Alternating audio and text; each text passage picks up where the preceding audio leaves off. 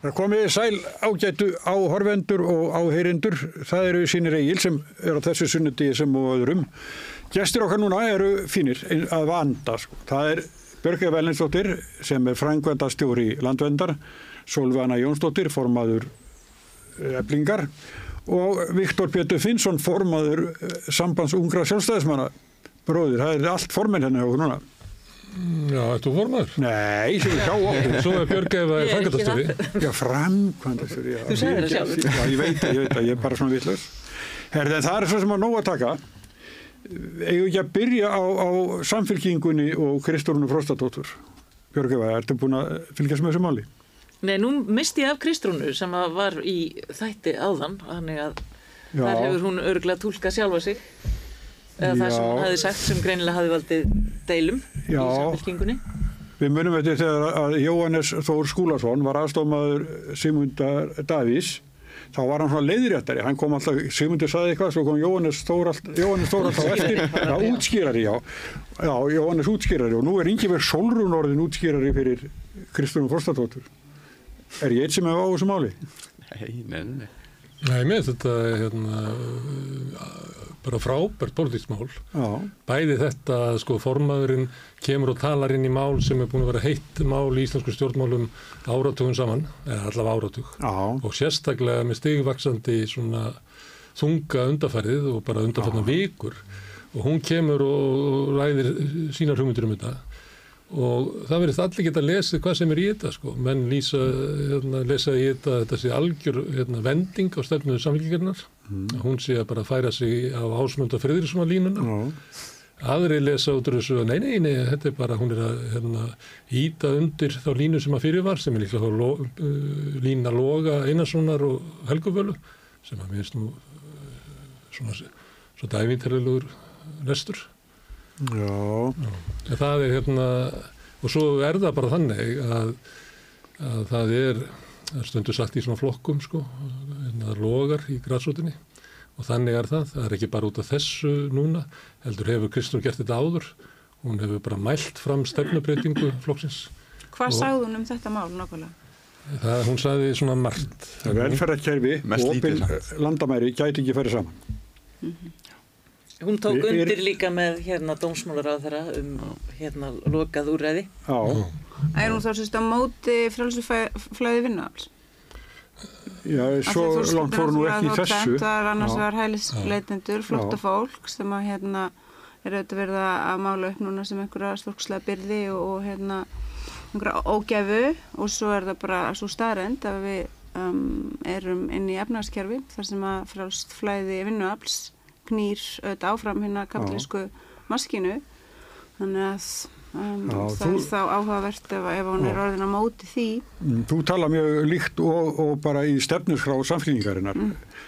Samfélkingi bendir á að ímis, nei, ég, ætla- ég ætla ekki að segja þetta, sterkast er ekki sá sem stendur einn, heldur sá sem við kennir að öll eru við hvert öðru háð og öll eigum við jafna rétt á því að við búum öll í einum heimi. Við verðum að þróa hæfileika okkar til að þess að vinna saman og læra hvert af öðru. Þetta er mjög líkt því sem að fullar að... fólk sem skrifaði þetta. Er þetta, er þetta yfirlýsing stjórnmálaflokks? Já, já, Já. þetta er, þetta er stefnusgrá samfélkingar, ekki að lítum því, nei, en hérna að, að staksteina voru að leika sér með þetta núna síðast í blæðinu sem kom um helgina að það voru að rifja upp hvað Logi Einarsson sagði fyrir sko teppu þreymur árum sem er alveg þvert á við það sem að, að hún er að segja núna. Og En nú- ég minna auðvitað náttúrulega um, svo svona pólitíska stefna sem að hefur verið reikin á Vesturlundum og í öllum heiminum, hún er náttúrulega að hrinja og við sem fáum hérna hrunið uh, í hausinn og aðrir koma sér undan og, og auðvitað aðrir uh, græða og hafa ótrúlega gott. En það að búa til efnagslegt kerfi þar sem að reisastórir hópar fólks fara á milli til þess að vinna láleina störf og þurfa svo að takast á við greilar áskoranir ofta tíðum í þeim löndum sem þau setjast að í verða jaðar sett og þurfa svo að sitja undir einmitt einhverjum óhróðri um, stjórnmálafólk sem fyrir á atkvæða veiðar þetta er náttúrulega fráleitt kerfi. Já, Um, þannig að veist, það er bara áhugavert að fólk skuli ekki viðurkenna vandan og horfast í augu við hann sem er ójöfn skipting gæðana, sem er uh, imperialismi, sem er arðrán, sem er það að á sumum stöðum getur ekki um, lifa með fjölskyldunniðinni og þarf að fara annað til þess að vinna. Og það er aldrei að tala um þetta. Aha, já. Uh, hérna til dæmis á Íslandi eru risastórir hópar af vinnandi fólki sem hafa komið hinga, til dæmis risastórir hópar af fólki frá Filipsæjum og öðrum Asíulöndum sem að halda uh, hjúkunarheimilunum okkar gangandi. Ef, að, ef að það fær, fólk væri ekki hér þá væri ekki hægt að reyka hjúkunarheimilin um, og, og svo mætti þetta bara áfram telja en hvort að hérna, hvo- hvort að fólki finnst þetta góð tilhögun að Já. það sé uh, efnaðaskerfi sem gengur út á það að um, þú veist, hrista upp í hverju þjóðríkinu á fætur öðru svo að fólk fari af stað til þess að sækja lálauna vinnu annar staðar um, þú veist, ég, ég veit ekki hvort að það er endilega besta kerfið í heiminum og, og þá er ég ekki að tala sem mannskja sem myndi nokkru sem láta sér þetta til hugar að tala fyrir lokuðum landamærum.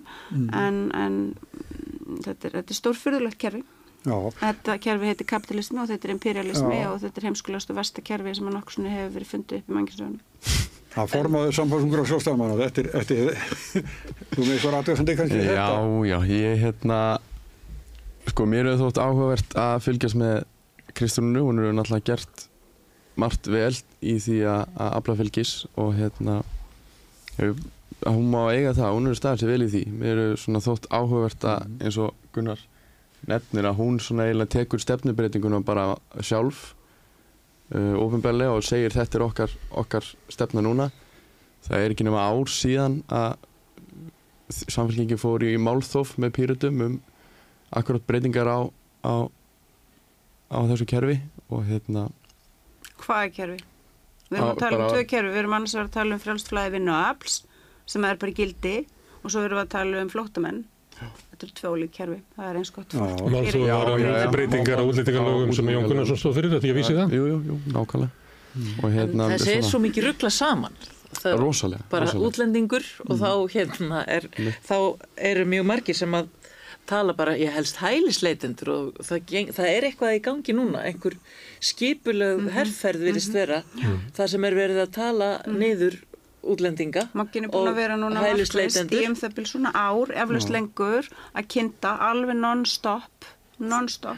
Þetta er alveg sérstaklega ógeðfelt búið að vera núna síðustu tvær vikur kannski Já. á samfélagsmiðlum og allstaðar og það tekið þarna og- aftur veist, það er aldrei talað um rót vandans í þessari veröld sem eru til dæmis viðbjörslega stríðs átök sem að Vesturlund kynnta undir bæði með aktífri þáttöku með því að sprengja og með því að hérna selja vopn sem gera það að verkum að sumi partar heimsins eru einfallega meira og minna óbyggilegir sögum ófriðar sem að gera auðvitað verkum að fólk fer af stað til þess að reyna að koma sér á fjölskyldum sínum undan. Aldrei talað um þetta, aldrei nokkuð tíma minnst að þetta einu orð það er bara eins og, eins og það Jó, vanti bara er það við erum að tala um Í- gasa og fólki sem ætlum að taka það, þá að stjórnum það ekki í. Það er kannski talað um það varandi gasa, en það er aldrei talað um hverjir bera ábyrðan, er það er að segja. Já. Ég meina, jú, það er alveg sagt, það eru stríð þarna og það eru stríð þarna, ég er ekki að segja það, en það er aldrei farið og, og rót vandans er aldrei greint, aldrei nokkuð tíma.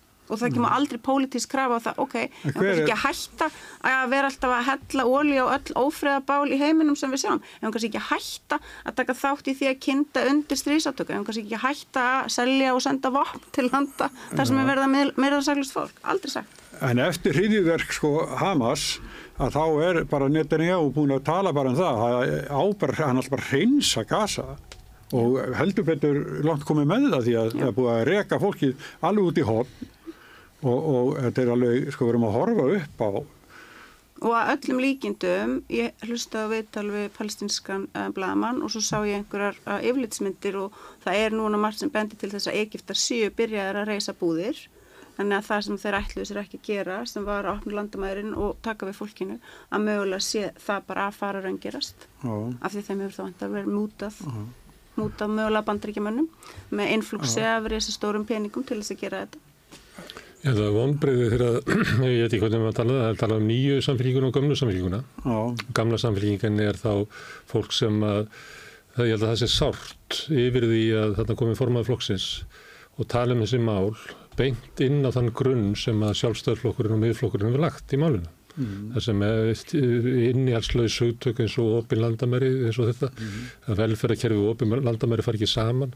Svolítið annar var að benda á það að sko hjúgrunheimilin okkar myndi ekki virka nema hér er opin landamæri eða fólk har á fylgisegum að vinna þar. Ekki leikskólanir heldur. Ekki leikskólanir heldur, þannig að þetta er bara merkingalust Sývaksandi hópur inflytjenda sem að vinna á leikskólanum. Hún Ég gengur, oft farið með þetta þegar fólk er að tala um þetta þetta er bara svona já, hún gengur inn á sko, umröðu vettvang sem að eh, ég sagði á, á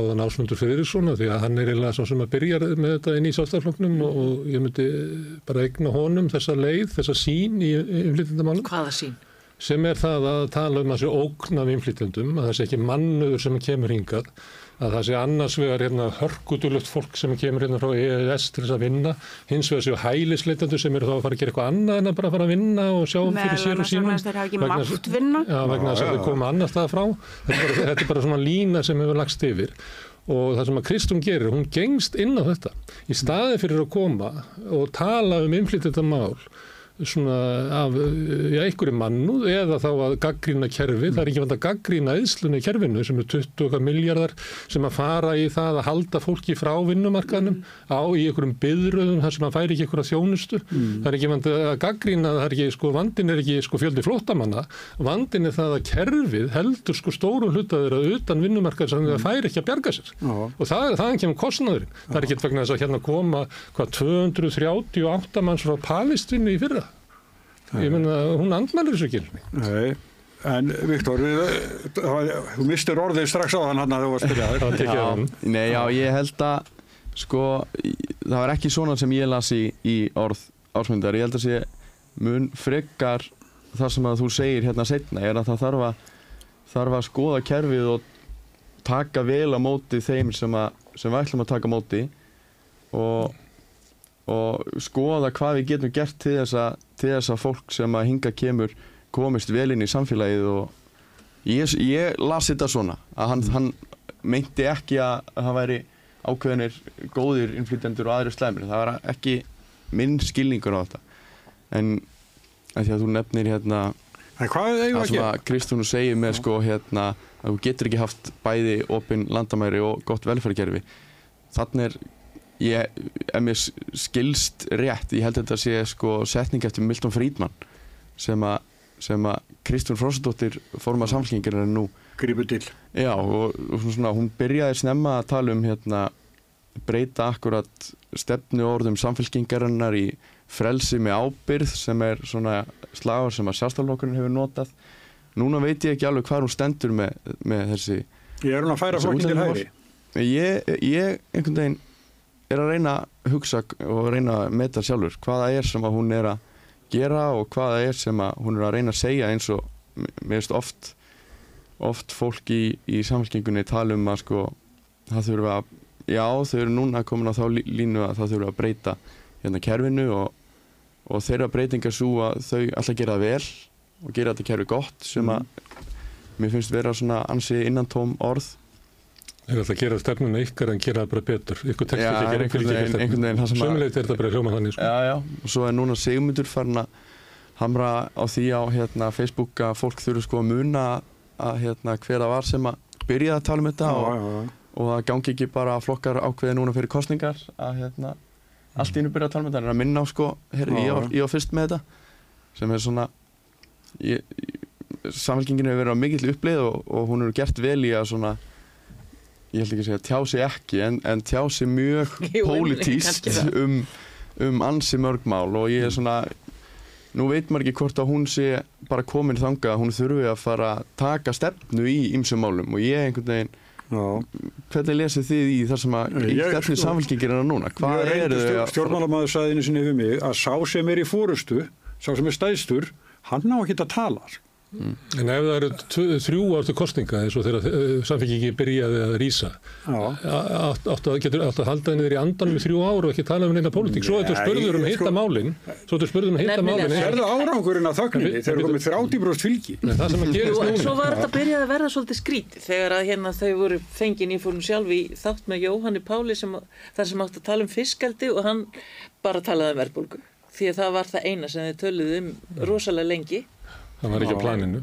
En það sem að gerist þegar þú ætlar að þegja í þrjú ár svo ertu spurður um, um hérna, eins og þess hérna, innflytjaldamál og hælýtjaldamál þá kemur í ljós að þú ert bara illa undirbúin það sem er eiginlega mest sláandi í þessu viðtali núna við einn ein pæling og þetta er ekki eina viðtali vegna þess að við rættum þetta til dæmis við Jóhann Páll sætti þínu sætti hérna á síðastlega sundag og þá vorum við að bera uh, uh, hérna undir hann stefnubreitingu samfélgingina í þessu málaflokki og ég vísaði með hann að því að Stefán Einar hafði sitt í sættir sem ég satt í hérna vikuna undan eða eitthvað slúðis og sagti yfir að hann var sem að kjósa samfélginguna vegna þess að þeir varu búin að breytu stefni um hlýttetamálum þannig að þetta er ekki eitthvað sem gerist í vikunni þetta hefur verið að gera stakt og bítandi. En það sem að mér fannst lágandi við viðtalið þarna í ein, einni pælingu að mér finnst hún bara, hún kemur bara algjörlega óundibúin að þessu máli. Þetta er eins og svona málaflokku sem hún hefur bara ekkert haft neitt sérstaklega áhuga á. Hún er mest áhuga á ríkisfjármálum og gaggrína Bjarnar Ben, hún var best þegar Bjarnar Ben var í fjármálandur.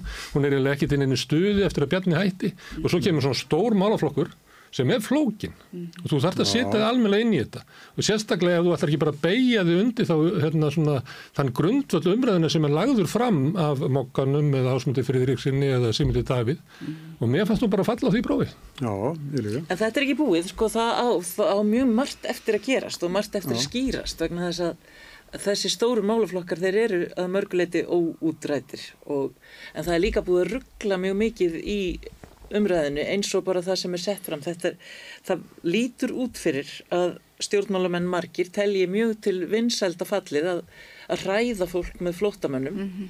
og mm -hmm. gera það bara alveg óspart og fjölmiðlar hafa náttúrulega líka mikla ábyrð þar mm -hmm. og þetta er, þetta er mjög anstíkilegt að fylgjast með þessu og mhm. það er alveg greinlegt að það er verið á atkvæða veiðum þannig mhm. en ég er ekki vissum að þær veiðar hefnist Nei, og þá bara eftir að koma í ljós og ég held að það þurfa að útskýra þetta mjög mikið meira og hún hefur kannski verið að því í morgun sjálf.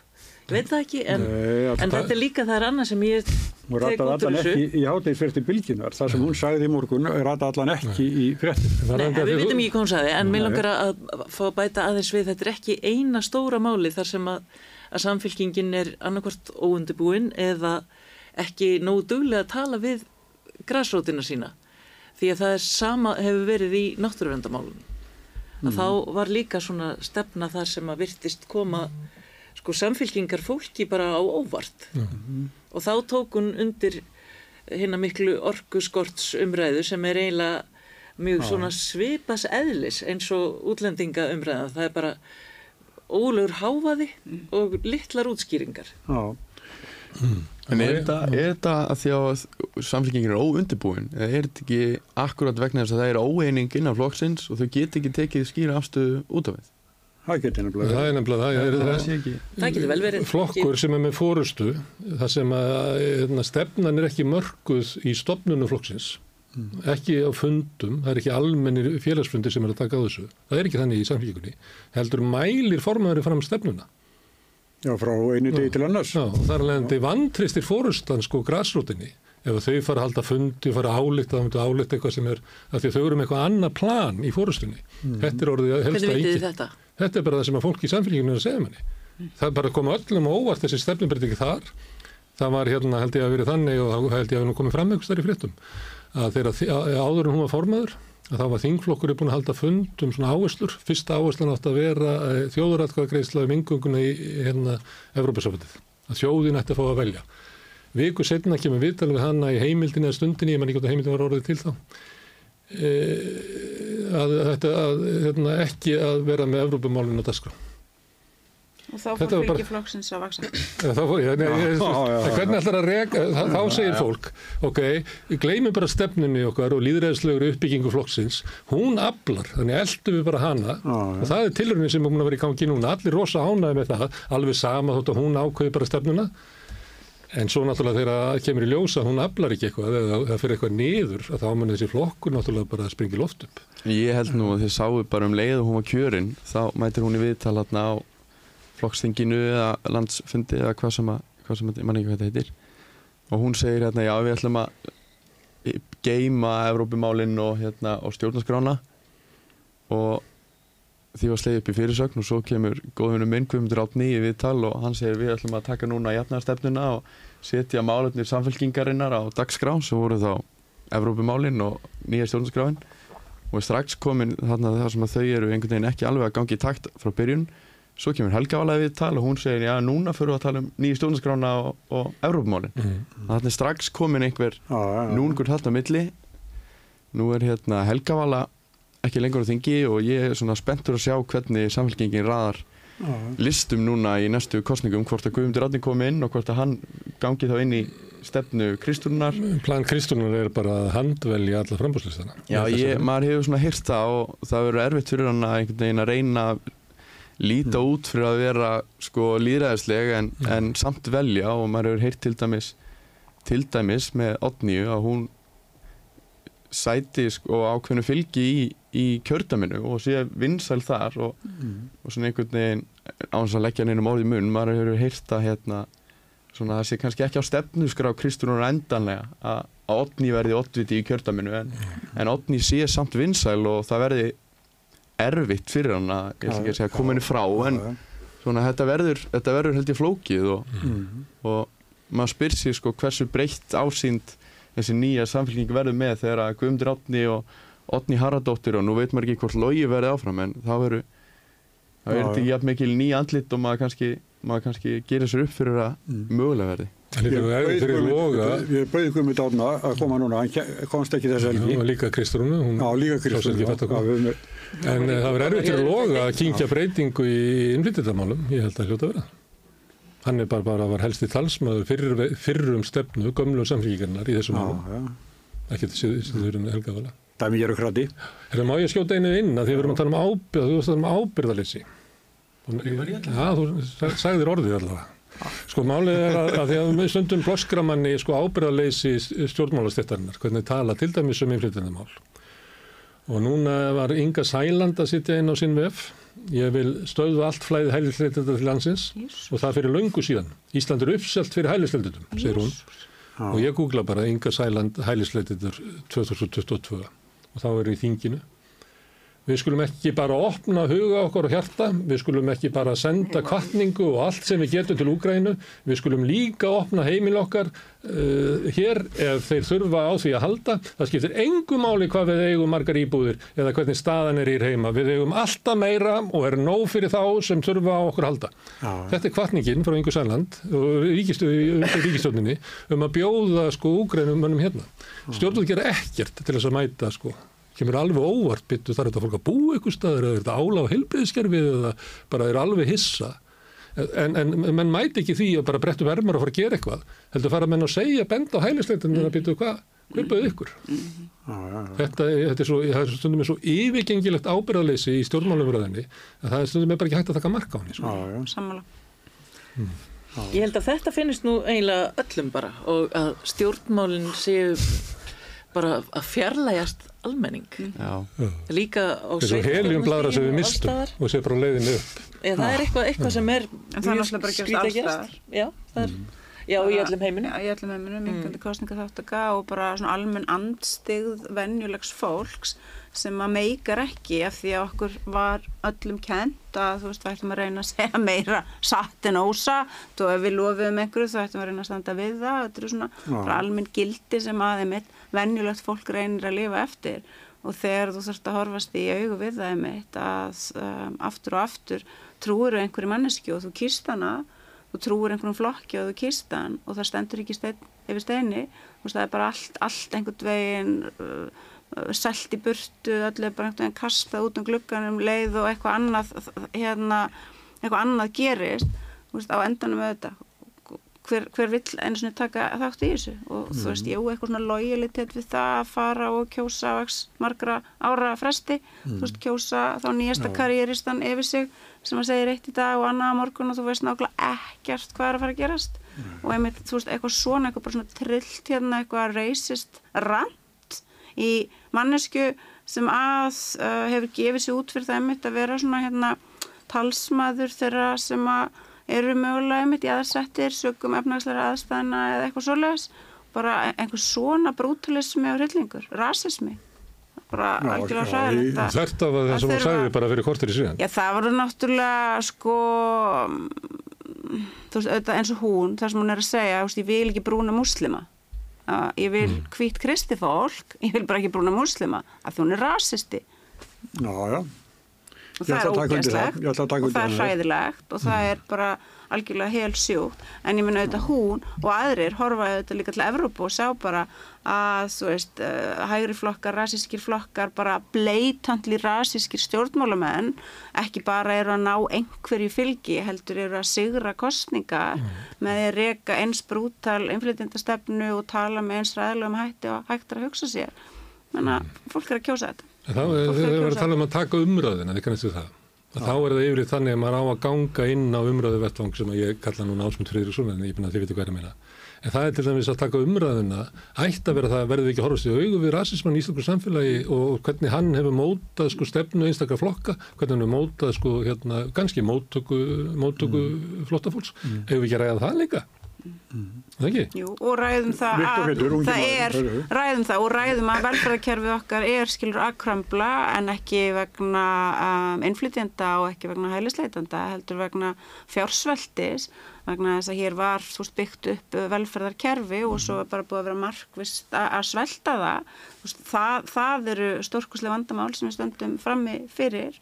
Um, en, en já, það er náttúrulega einfaldara og auðveldara ef að fólk getur ekki reikið velferðarkerfi, getur ekki reikið hérna sóma samlega uh, helsu, helsugjastlu og svo framvegis að fara að benda á eitthvað blásaklust fólk sem hefur ekkert gert af sér annað en að reyna að finna sér betra líf einhvers þar. Já. Það er stórkostlegur mannkynnsjólu glæpur að ætla að gera það. Hvernig dyrfis þetta fólk að ætla að hérna, uh, byggja upp betra líf fyrir sig og bönnin sín. En Viktor, finnst þér að þetta er mál sem Ég ætla samt að fá að segja þetta Já. líka að þú veist þetta er svo rosalega ógslætt að það er svo mikla afmennskun í gangi. Þú veist að það er engin Já. empatía. Það hugsar, byrju, ef þetta væri ég ef þetta væri ég í þessum sporum að sjálfsögðu myndi ég reyna að komast á stað þar sem það væri meira öryggi. Að sjálfsögðu ef ég bý í landi þar sem er mikið atvinnleysi og, og hræ, hræðilega efnaðslega kjör vil ég fara eitthvað annað og reyna að byggja þar upp líf. Að sjálfsögðu hvernig getur fólk ekki haft empatíuna til þess að bara setja sig í þessi spór og hugsa? Auðvitað myndum við öll gera þetta ef við værum í vissum aðstæðum. Já, og land það sem er eftirspurt eftir vinnu uh, það dregur til sín flóta fólk, það er bara þannig. Við höfum lættu við að fagna að við verum fylgjandi. Já, og svo ef þú skoðar að bara svona rannsóknir sem hafa verið gerðar á einmitt, þú það sé eitthvað miklu meira af flóttamönnum núna eða svona migrant workers, ég meina já, að sjálfsögðu fylgja stríðum og uppnámi uh, aukning uh, flóttamanna, en um, um, um mjög langt skeið hefur bara verið nokkuð svona hérna, sama prósent af migrant workers sem eru að fara á milli. Um mjög langt skeið hefur bara verið nákvæmlega sami fjöldi meir og minna sem er til dæmis að setja stað í bandaríkjunum til þess að vinna um, og svo framvegis. Þannig að hérna það er þetta náttúrulega eitthvað fjölgað, fjölgað hérna innfluttum fólki hér sem er vinnuafl og Hér mann vilja fjölga því En miklu, ég er miklu, bara að miklu segja að þú skoðar, ef þú skoðar bara hvernig heimurinn virkar, þá er ekki eins og að á síðustu x mörgum árum hafi bara einhver svona stórkosli umbylting átt sér stað, það er ekki þannig. Nei, en það hefur verið svolítið umbylting hér og það getur vel verið á að það Íslandi, íti það er rétt. pínlítið undir þennan rasisma sem að bjóst ekki við að yrði. Og, og En hann er allur settur á vanþróskur. flóttamennina en alls ekki á hitt fólki sem kemur í vinnu Eða Og- bara alla túrstana. og alla túristana og fólk finnur auðvitað fyrir því að innviðirnir eru sprungnir og fólk finnur fyrir því þegar að eru bara heilu sveitafélögin þar sem eru 30, 40, 50% útlendingar og það er greinilega að fara að fara í taugarnar á fólki svolítið. Og þá bendir það á flóttamenn. Og undir þetta íta stjórnmálamenn að þér virðist algjörlega viljandi. Mjög margir og fleiri og fleiri. En, og það er ljótt að sjá. Já, en það er mikil breyting búin að vera í Íslandsku samfélagi og kannski uh, skiljanlegt að umræðan sé vanþróskuð eitthvað leiti af því að, að við farið í gegnum hraðari fjölgun innflytjenda heldur en flesta þjóður.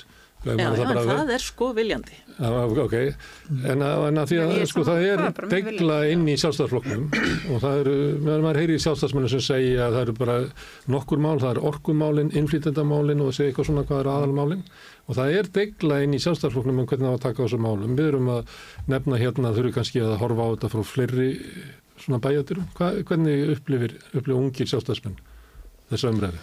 Sko ég held að Einu sem voru ungi sjálfstæðsmenn sem stóðu fyrir framan púltið á landsfundi og púuðu á Ásmund Friðursson. Einmitt, já, ég sko áður en, áður en ég kem, kem inn í þetta sko.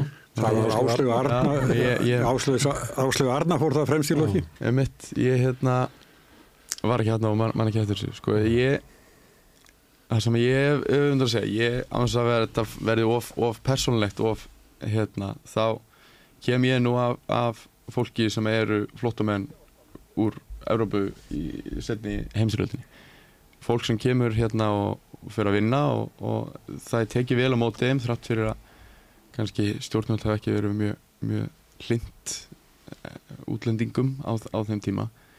Ég held að eins og ég líti á þetta það þarf að taka vel á móti þeim sem að sem að hinga að koma og ég finnst við þurfum að finna leiðir til þess að vera velkomin og taka vel á móti þeim sem að vilja vera hérna og hvernig við getum komið þeim sem best inn í samfélagið þannig að það hendi þeim sem best og, og lífskeiði þeirra skerðist ekki. Uh, sem ég finnst vera ég held að, ég held að séu ósætti innan innan kerfisins á, á sko báða bóa ég held að sé þau sem hinga koma væru til í þjónustur sem að meiri, við því hvað rétt orðið vera meira inclusive í því hvernig við tökum móti, aðstóð ég held að við meðum gera betur í að upplýsingagjöf og, og, og slíku. Íslensku kjensla til dæmis sem einflýttur parta mikið fyrir hversu er veikur aðgang, aðgengjað. Al algjörlega, ég held að séu svona hlutir sem að við þurfum að gera betur. Og ég, þú veist eins og ég skil þetta hefur einhvern veginn stefna sjálfstaflokksins verið að það þurfa að bæta kefrið og taka til í því. Að það er of margt sem að betur mætti fara. Ég held að Ég held nú sjálfstæðisflokkurinn hafi samt ekki farið eftir þeirri stefnu neitt. Að hérna Nei. taka að mest bæta þetta höfur og hægrinu bara færri flóttamenn, bara fækku flóttamennum. Það er náttúrulega bara það sem við verðum að segja. Já, er að er ástæðan ekki fyrir því að það er ekki hægt að taka vel á móti fólki og kenna þeim íslensku og þú veist, ge- gera eitthvað fyrir þau er af því þau eru of mörg sem er náttúrulega bara mjög svona hérna skringilega afstæða til þess að hafa. Akkur ekki bara að gera hlutina vel alveg sem hvort það eru fáir eða margir, akkur ekki allavega þá að reyna að gera það? Ég held að þetta sé sko eins og þú segir að sjálfstaflokkurinn har sagt að þetta sé of margir. Ég held að þetta sé of margir í núverandi kerfi sem að er ekki gott kerfi.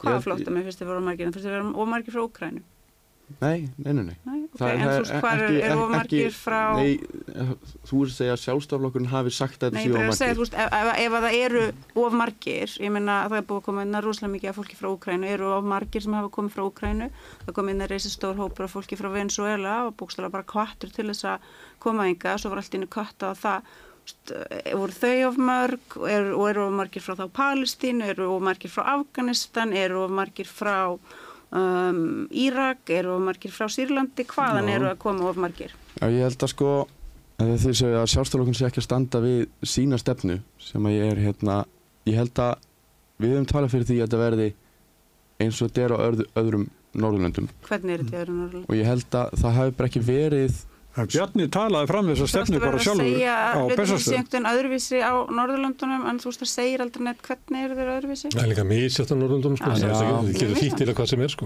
Já, já, svo held getur þýtt hvað sem er eins og svo margt sem já, sæpir já. en þú veist það er bara svo áhugavert að stjórnmálafólk getur bara einmitt sagt svona hluti þú veist útskýrði fyrir mér um hvaða Norðurlönd eru það að tala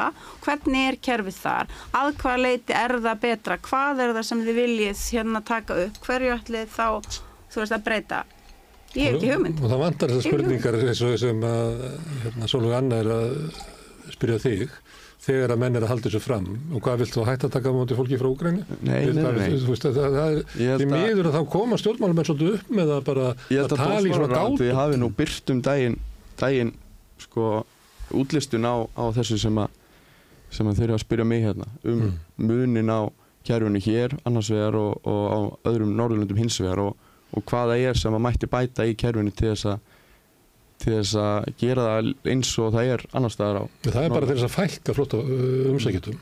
Það er svona hugmyndur um það að við séum einhvern segul, að þessi eitthvað öðruvísi kerfi hér sem að ég held að sé ótrúlega innfélningslega hugmynd sko. Ég held að sé, segullin okkar er hér að það vantar fólki í vinnu.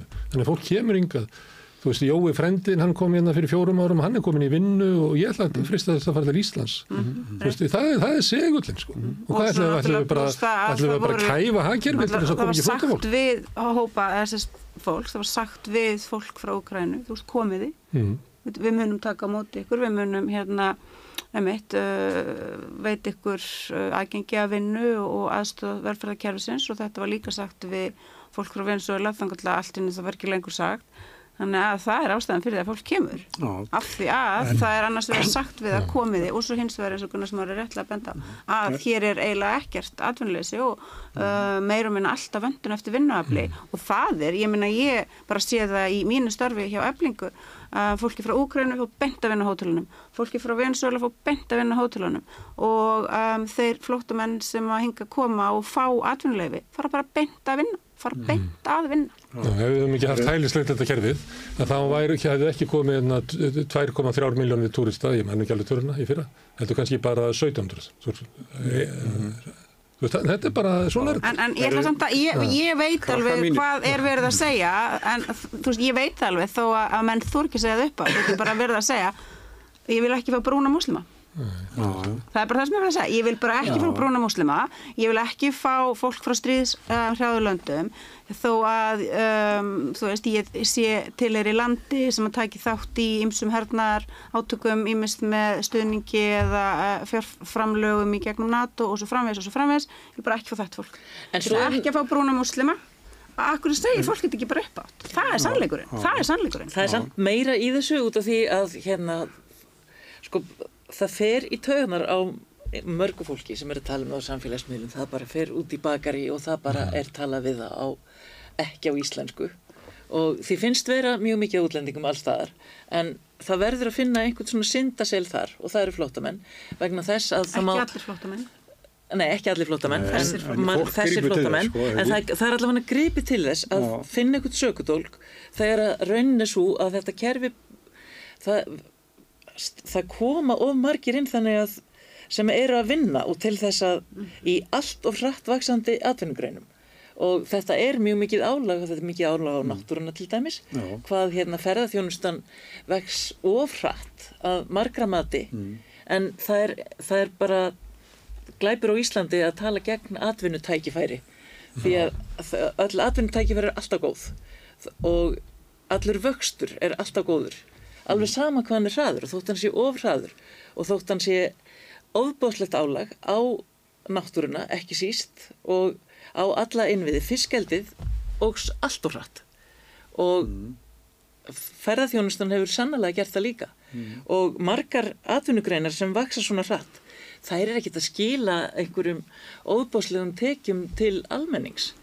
Þú veist það er ekkert að aukast hérna hagur allra er ekki að lagast. Fólki sem kemur í vinnu hérna hefur það nú sennilega bara ekki nógu gott og það veit Solveig Anna ábyggilega manna best. Eh, krakkar. fólk bara býr einhvern veginn ömurlega í Heyrðu, Ég ætla að vera að segja, sko, við erum svona hálfnum með þáttinn og, og okkur gengur ekki alveg nógu vel að fara nefnum álagskrana en, en hérna fyrir þau sem að ekki sjá okkur og bara hlusta okkur útvarpi þá ætla ég að fara yfir það er, hjá okkur eru Björg Eva Ellinsdóttir, framkvæmdastjóri landvendar, Solveig Anna Jónsdóttir formaður Eplingar og Vi- eh, Viktor Pétur Finnsson formaður sambandsungra sjálfstæðismanna. Þú, eh, Björg Eva, þú eiginlega komst inn á þetta, sko, þú, þú fórst að tala um náttúruna. Og þú sagði líka að náttúran ætti í sér engan talsmann af þingi lengur. Já, það var sett í fyrirsögn Já. Skiljanlega, þú Já, ég er líka að gera það. Já, já. Þú er ný, ný eftir frangatastjóri VFG, skiljanlega fyrir því fyrir, fyrirsögn. Já, já, hérna Þú hefði sett það sjálf, sko, þegar þú varst að skrifa fyrir þér, sko. Já, já, en þetta er nú bara þannig að það, hún er, er mjög veik rödd náttúrunar á alþingi og í rauninni get ekki engi bara lengra, bara rödd hagsmuna almennings er bara veik inn á alþingi. Rödd innflytjenda, hvernig er hún inn á alþingi? Það er bara, hérna, stjórnmálinn finnst mér hafa fjarlægst bara allir flokkar hafa bara fjarlægst almenning á einhvern einkennilegan hátt. Já, og líka sín helstu Og- stefnumál. og sín helstu stefnumál í leiðinni. Og þ- vissulega þá eru einhverjir einn og einn þingmaður sem að, að talar fyrir náttúruvend já, kannski í ræðustól ég er nú ekki að hlusta á það alltaf en það sem heyrist í fjölmiðlum til dæmis það er bara mjög lítið um, þú veist, í hvers, hérna, hann kemur Jón Gunnarsson og talar um orkuskort 40-50 sinnum á stuttum tíma og svo heyrist kannski eitthvað svona veikstun á móti einu sinni. Og þá gerðn hann ekki frá stjórnmálamönnum, það er allavega mjög sjaldan. Hann tala yfir umröðuna. Já, þetta er bara búin að vera mjög svona styrluð umræða í, Það var ekki vafkið stopnað til þess að halda Jú, andstöðun uppi. jú, jú, ég meina það, en það er ekki greinilega ekkert mjög gott að eiga við það þegar að Vafki hefur ekki umhverfisráðaneytið pluss að það verist vera orðið orkumálaráðaneytið að mestu leiti. Þannig að þetta er bara, þetta er mjög erfið staða. já. Og það vantar talsmannin. Það vantar Það er talsmann. sterkari ráð, þú ert að segja Það er það gerir það. Svolveg Anna, hefur, hefur láluna fólk talsmanninn á því? Nei, láluna fólk er ekki, hefur ekki talsmann og, og, það er auðvitað bara mjög leðilegt og við ræðum þetta mjög ofta á fundum hjá eflingu og veltum þessu fyrir okkur og, og látum okkur auðvitað dreyma um það að um, verka fólk á Íslandi uh, egnist og verði auðvitað bara sínir eigin sterku pólitísku málsvarar inni á alþingi. Það gengur ekki að um, þetta ástand einhvern veginn haldi áfram að sé ekki verið að tala fyrir hagsmunum vinnuaflsins uh, og ekki bara uh, ekki verið að tala heldur það sé ekki verið að vinna markvist að því að um, bæta hér kjör þeirra sem með vinnu sinni knýja í mitt áfram allan mm. hagustinn og skapa verðmættin hérna í samfélaginu. Þannig ég hvet eflingafólk núna á uh, öllum fundum, eiginlega öllum fundum, til þess að taka þátt í pólitísku starfi, til þess að ganga í flokka og beita sér fyrir því að emmitt um, uh, hagsmunir vinnandi fólks uh, verði settir í forgrunn um, bara í öllum flokkum. Mm. Viktor, hvernig er spurningið til þín? Á? Fullur þú ekki? Nei, nei segjum, bara, segjum bara þeir sem er í rekstri. Þeir bara... Auðvaldi. Já, smá fyrirtæki og mittistór fyrirtæki. Segjum að svo græsótt sé til í sjáttalókum.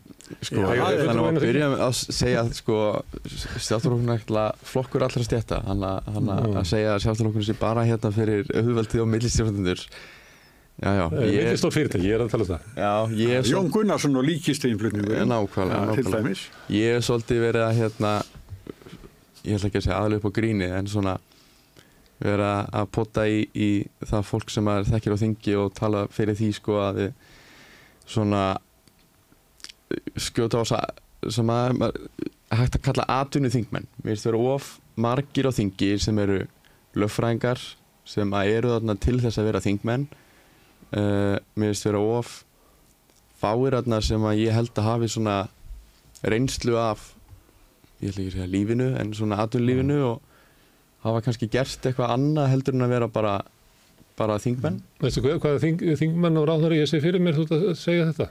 Þórdís Kolbrún sem er talað um sem líklegast í formaður Sáttálflóksins. Hún eiginlega byrjaði að vinna sem aðstofamanneska þingflokks og ráðhverða bara upp á fermingu sko. Já, já, en svo eru, eru líka þingmenn í öðrum flokkum. Ég held Mm. að svona það sem er að gerast er að eins og, eins og ég líti á þetta, þá held ég að fólk sé núna að flykkjast á bakvið uh, þá flokka og þá þingmenn og, og ráþeira sem að svona að trúir að, að komi hlutum í verk. Ég svona ber mikla virðingu hvort maður sé ósammálega sammála sko skilabóðum þeirra sem að hefur að halda fram. Þá svona ber maður virðingu fyrir fólki sem að stendur fyrir eitthvað og, og segir það sem að stendur fyrir og gerir það sem að segist bóðar sem ég held að Mm. Solveig á, á, á skilur hrós fyrir fyrir sína baráttu sem ég held að hún sé Finnst þér Guðrún Heiðvirð Hafsteinsdóttir í- tala svona? Af því að hún kemur úr atvinnulífinu, bara beint úr kjörís inn á ring. já, hún er svona og þess vegna held ég að núna sé mikill stuðningur við hana er að akkurat svona fólk innan flokksins skinja ég stiður hana og, og svona hvetur hana áfram að því að hún kemur og hefur skilning á kerfinu, hún hefur verið að núti og hefur unni við þetta og kannski hefur meira að segja um það sem þarf að bæta og ég held að svona að sé eitthvað eitthva ákallum um þetta sko. Já. Mm. Það er annar tónn í henni heldur en hérna þeim sem hafa bara alist upp inn á nefndarfundum.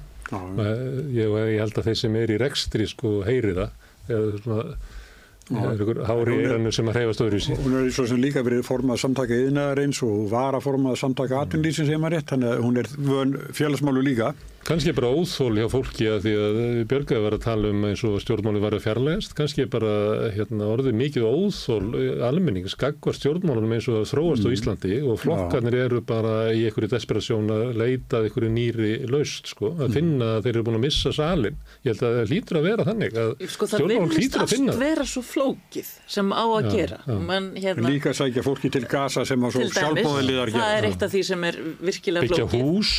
og, og hérna allt er flókið. Og þá er talað um að það sé út af einhverju vondu regluverki sem kemur utan í frá og þá þurfum við að afhúða það og svo, svo bara veit enginn alveg hvað er verið að tala um. Engin.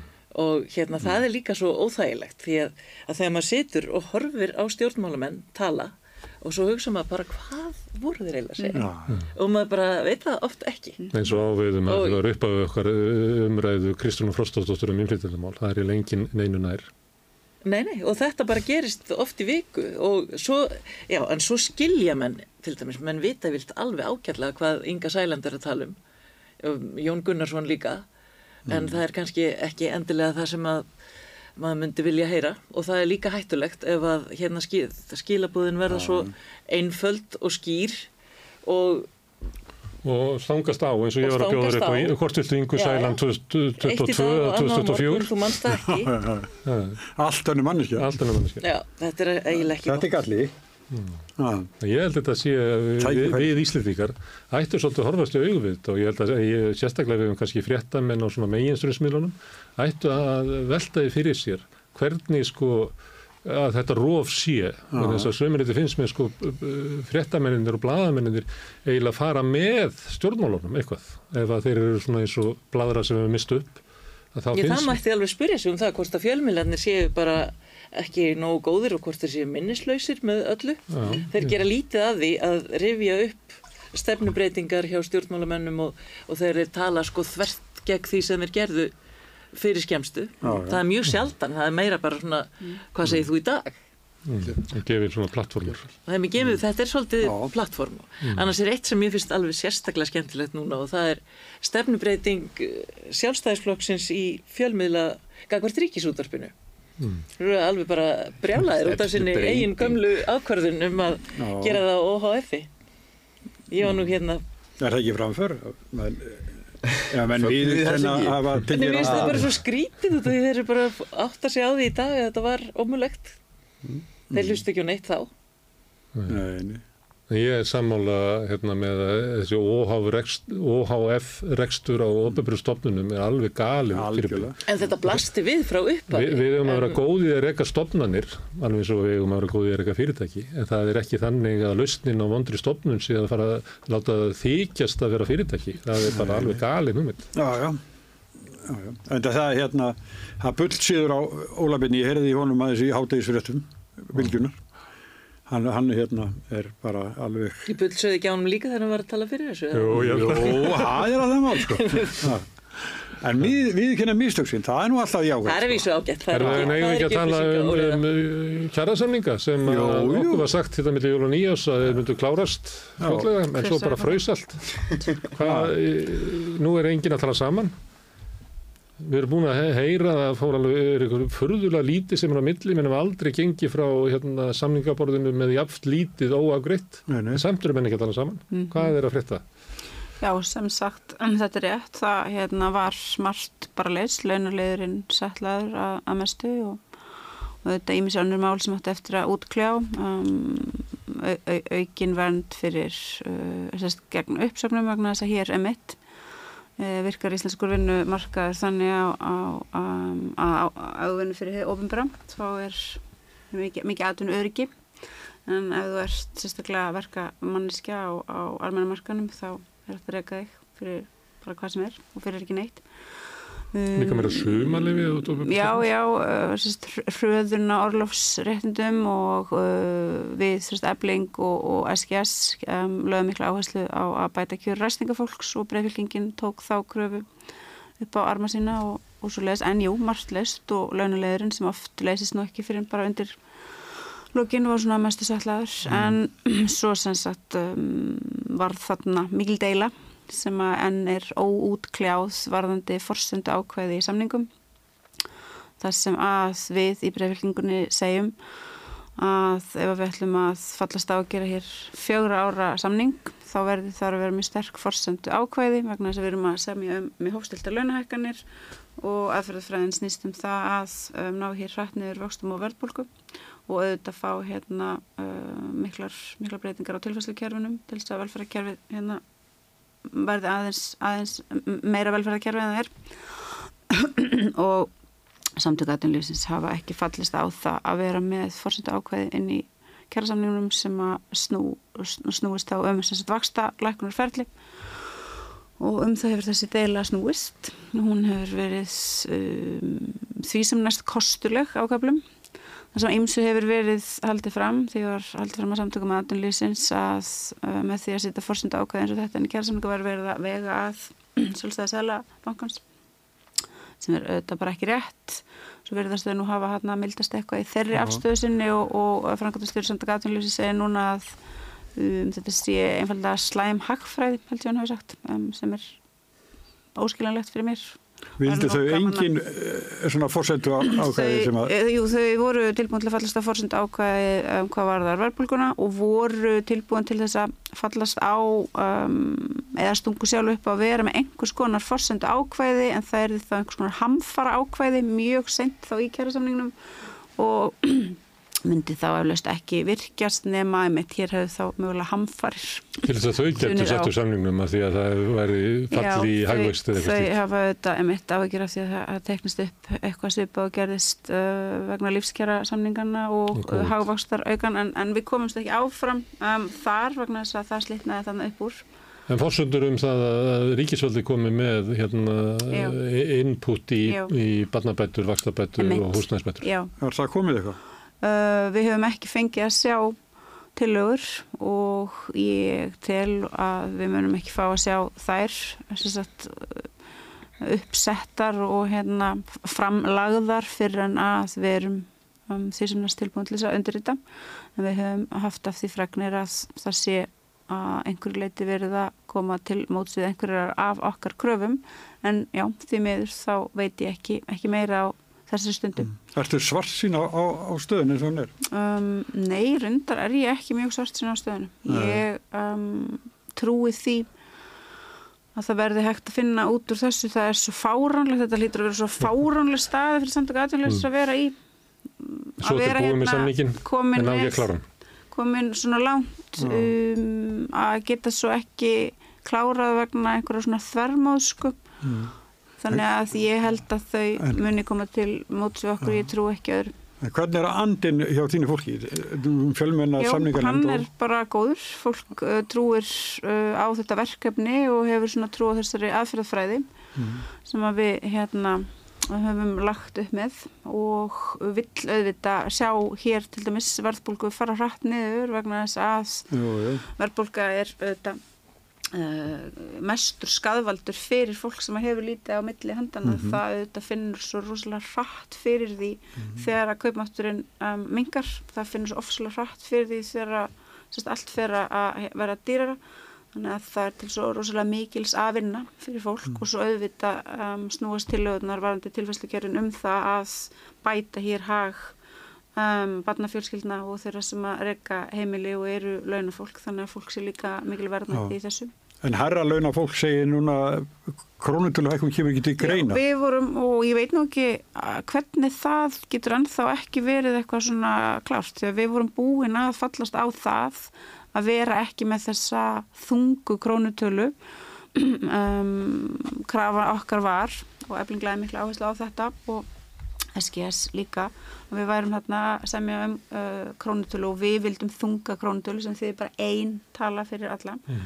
Og þetta var mikill ásetningarsteinn og við fjallum frá þessari kröfu og einbyttum okkur en prósentan fyrir ofan, ég man ekki hvað línan er 700 já, já, villi kom inn að var eitthvað bara hvað 3,25 3,25 og svo 3,50 síðast það búið að vera 9% örbolga en þetta snýst náttúrulega um það að fara þessa leið til þess að ná hér niður uh, verðbólgu og vöxtum og já, ég meina við erum að semja um mjög hólegar launa hækkanir, það er Já. bara staðrind en bara svo ég klári þetta Já. varðandi uh, krónutöluna eða próstur að við einbyttum okkur þá að tryggja að gólfið yrði þá ekki oflátt og um, margum retta kostnarmatið er þá hæst fyrir verka og láluna fólk og lægra fyrir aðra hópa mm, þannig að það, uh, já, það var þarna búið að setla svona ýmislegt og leysa úr floknum deilumálum eins og þessu með því að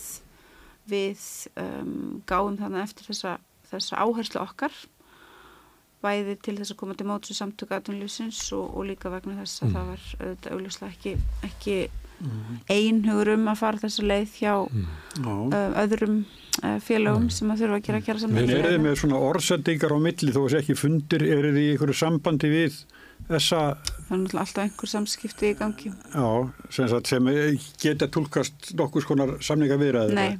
Nei. En þetta, eh, hvað við kalla, svona setup, er finnst þetta merkilegt. Það verður að tala um að það er að vera eins eh, lágar launahækkanir og mögulegt er. Og með því að að fara með svona lágt niður að þá verða að vera viðbætur í barnabótum og vakstabótum og húsnæðskerfi til þess að hinnir lagslaunuði geti lifað þetta af með svona lágar eh, bætur. En síðan hætti þetta svona eftir 700.000 eða eitthvað og þá komi raunverulega kjaraskerðingin hjá þeim sem eru á herrilunum. Þetta er eiginlega svona erindi sem að maður sæði fyrir sér að stjórnvöld vegna þess að, að ég held að séu flesti sammála ef þetta gengi eftir. Þá er bara líkur á því að við sæjum lækkandi verðbólgu hérna. Og ef, ef að hérna, fyrir, veist, allir, allir myndu eiga þetta, að fyrirtæki myndu halda aftur á sínum hækkunum og opið berða okkur leira. Þannig að finnst mér að sko ríkistöldin ætti að stíga fram og reyna að hérna, selja þetta. Að þú veist, takk þetta, þetta er, þetta er okkar stefna, við ætlum að ná þessu gegn. En maður veldi fyrir sig af hverju að gera það ekki, það er náttúrulega sundur ykkur ríkistöldinni, en svo má vel vera það að þau upplifi kjósendahópi sinn, bara meira minna 700 pluss sem að tengist því sem voru að segja, láluna fólk á ekki fullurinn á þingi, almenningur á ekki fullurinn á þingi, heldur er þetta, hérna, við stjórnarfólki meira og minna að tala við fólk sem er með miljón pluss á mánuði. Ég held að það sé mjög mikil sundrung náttúrulega eins og allir vita innan ríkistjórnarinnar og um, það sé eflaust mjög erfitt innan ríkistjórnarinnar að landa því hv- hvernig að koma til móts við okkar kröfur og hvernig það verði gert. Við En það strandar samt ekki þar. Um, nei, við erum náttúrulega ekki búin að fá að sjá Nei. hvað okkur er verður bóðið og það er sko. auðvitað, það er að er hérna það, er að sannlega ymslegt eftir og, og við uh, fórum auðvitað fram til dæmis með kröfu um það að vakstabótakerfið erði endurreist og ég held að það sé til dæmis greiðlega erfitt fyrir sjálfstæðarsflokkin að að kynkja því og eflust líka fyrir framsók Það voru eitthvað fyrir Viktor að svara fyrir. Vakstabóta hér yfir. Mm.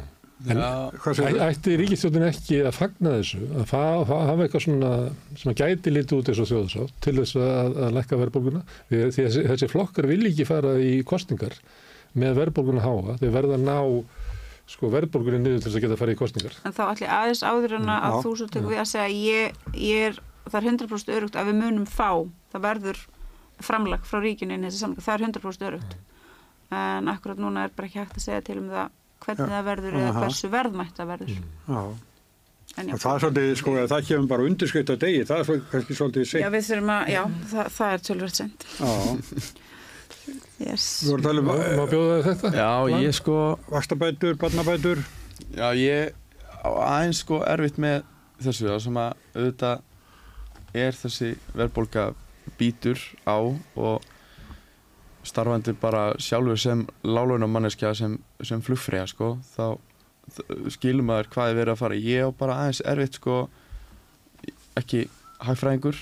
Ég er að reyna að skilja sko núna heyrum maður sérstaklega samfélkinguna að tala fyrir, fyrir hækkun barnabóta og, og fleiri fleiri hérna og svona taka til í bótakerfinu. Og ég er að reyna að hugsa sko eins og ég skil þetta og endilega bara Mhm. útskýra ef, að, ef að það er einhver, einhver miskilningur hvernig sko hvernig það að ríki komið að þessu mun Mhm. væntalega á einhvern hátt þýða aukin útgjöld ríkisins Mhm. sem að mun þá þýða að með við hvernig ríkið er reikið í dag og er í halla, það mun það þýða meiri skuldir frá ríkinu sem að mun sem að komandi kynsluðu muni þurfa að greiða niður og það er þá ég og, og fólk á mínum aldri sem að svona ég er að reyna einhvern veginn hvernig meina að það skattbyrði ungs fólks verði aukin til þess að koma til móts og kröfur okkar um um, viðbættri tilfæslukerun upp um til 24 miljardar á ári. Það er nú ansi langt sótt. Að Nei, það bara lífið, lífið hans á enda, sko, ekki endilega bara ungt fólk heldur, þýðir skattahækkun sem að Já, ungt fólk minn bera sko, um Já, langa ég, tíma. Ég sko. á eftir að sjá það gerast að skattbyrði á launafólk verði aukin til þess að koma til móts við þessar mjög bara reasonable uh, kröfur. Það þarf að gefa í þessi kerfi. Það þarf, það er annarkvort að við förum fram með kröfu um mjög háar uh, launahækkanir. Um, sem að uh, Fólk verður að lifa út mánuði. það bara verður, það verður bara þannig að það er annarkvart að við fyrir þá fram með kröfum 60 pluss 1000 eða við fyrir þessa leið. Já. það er já. þannig að um,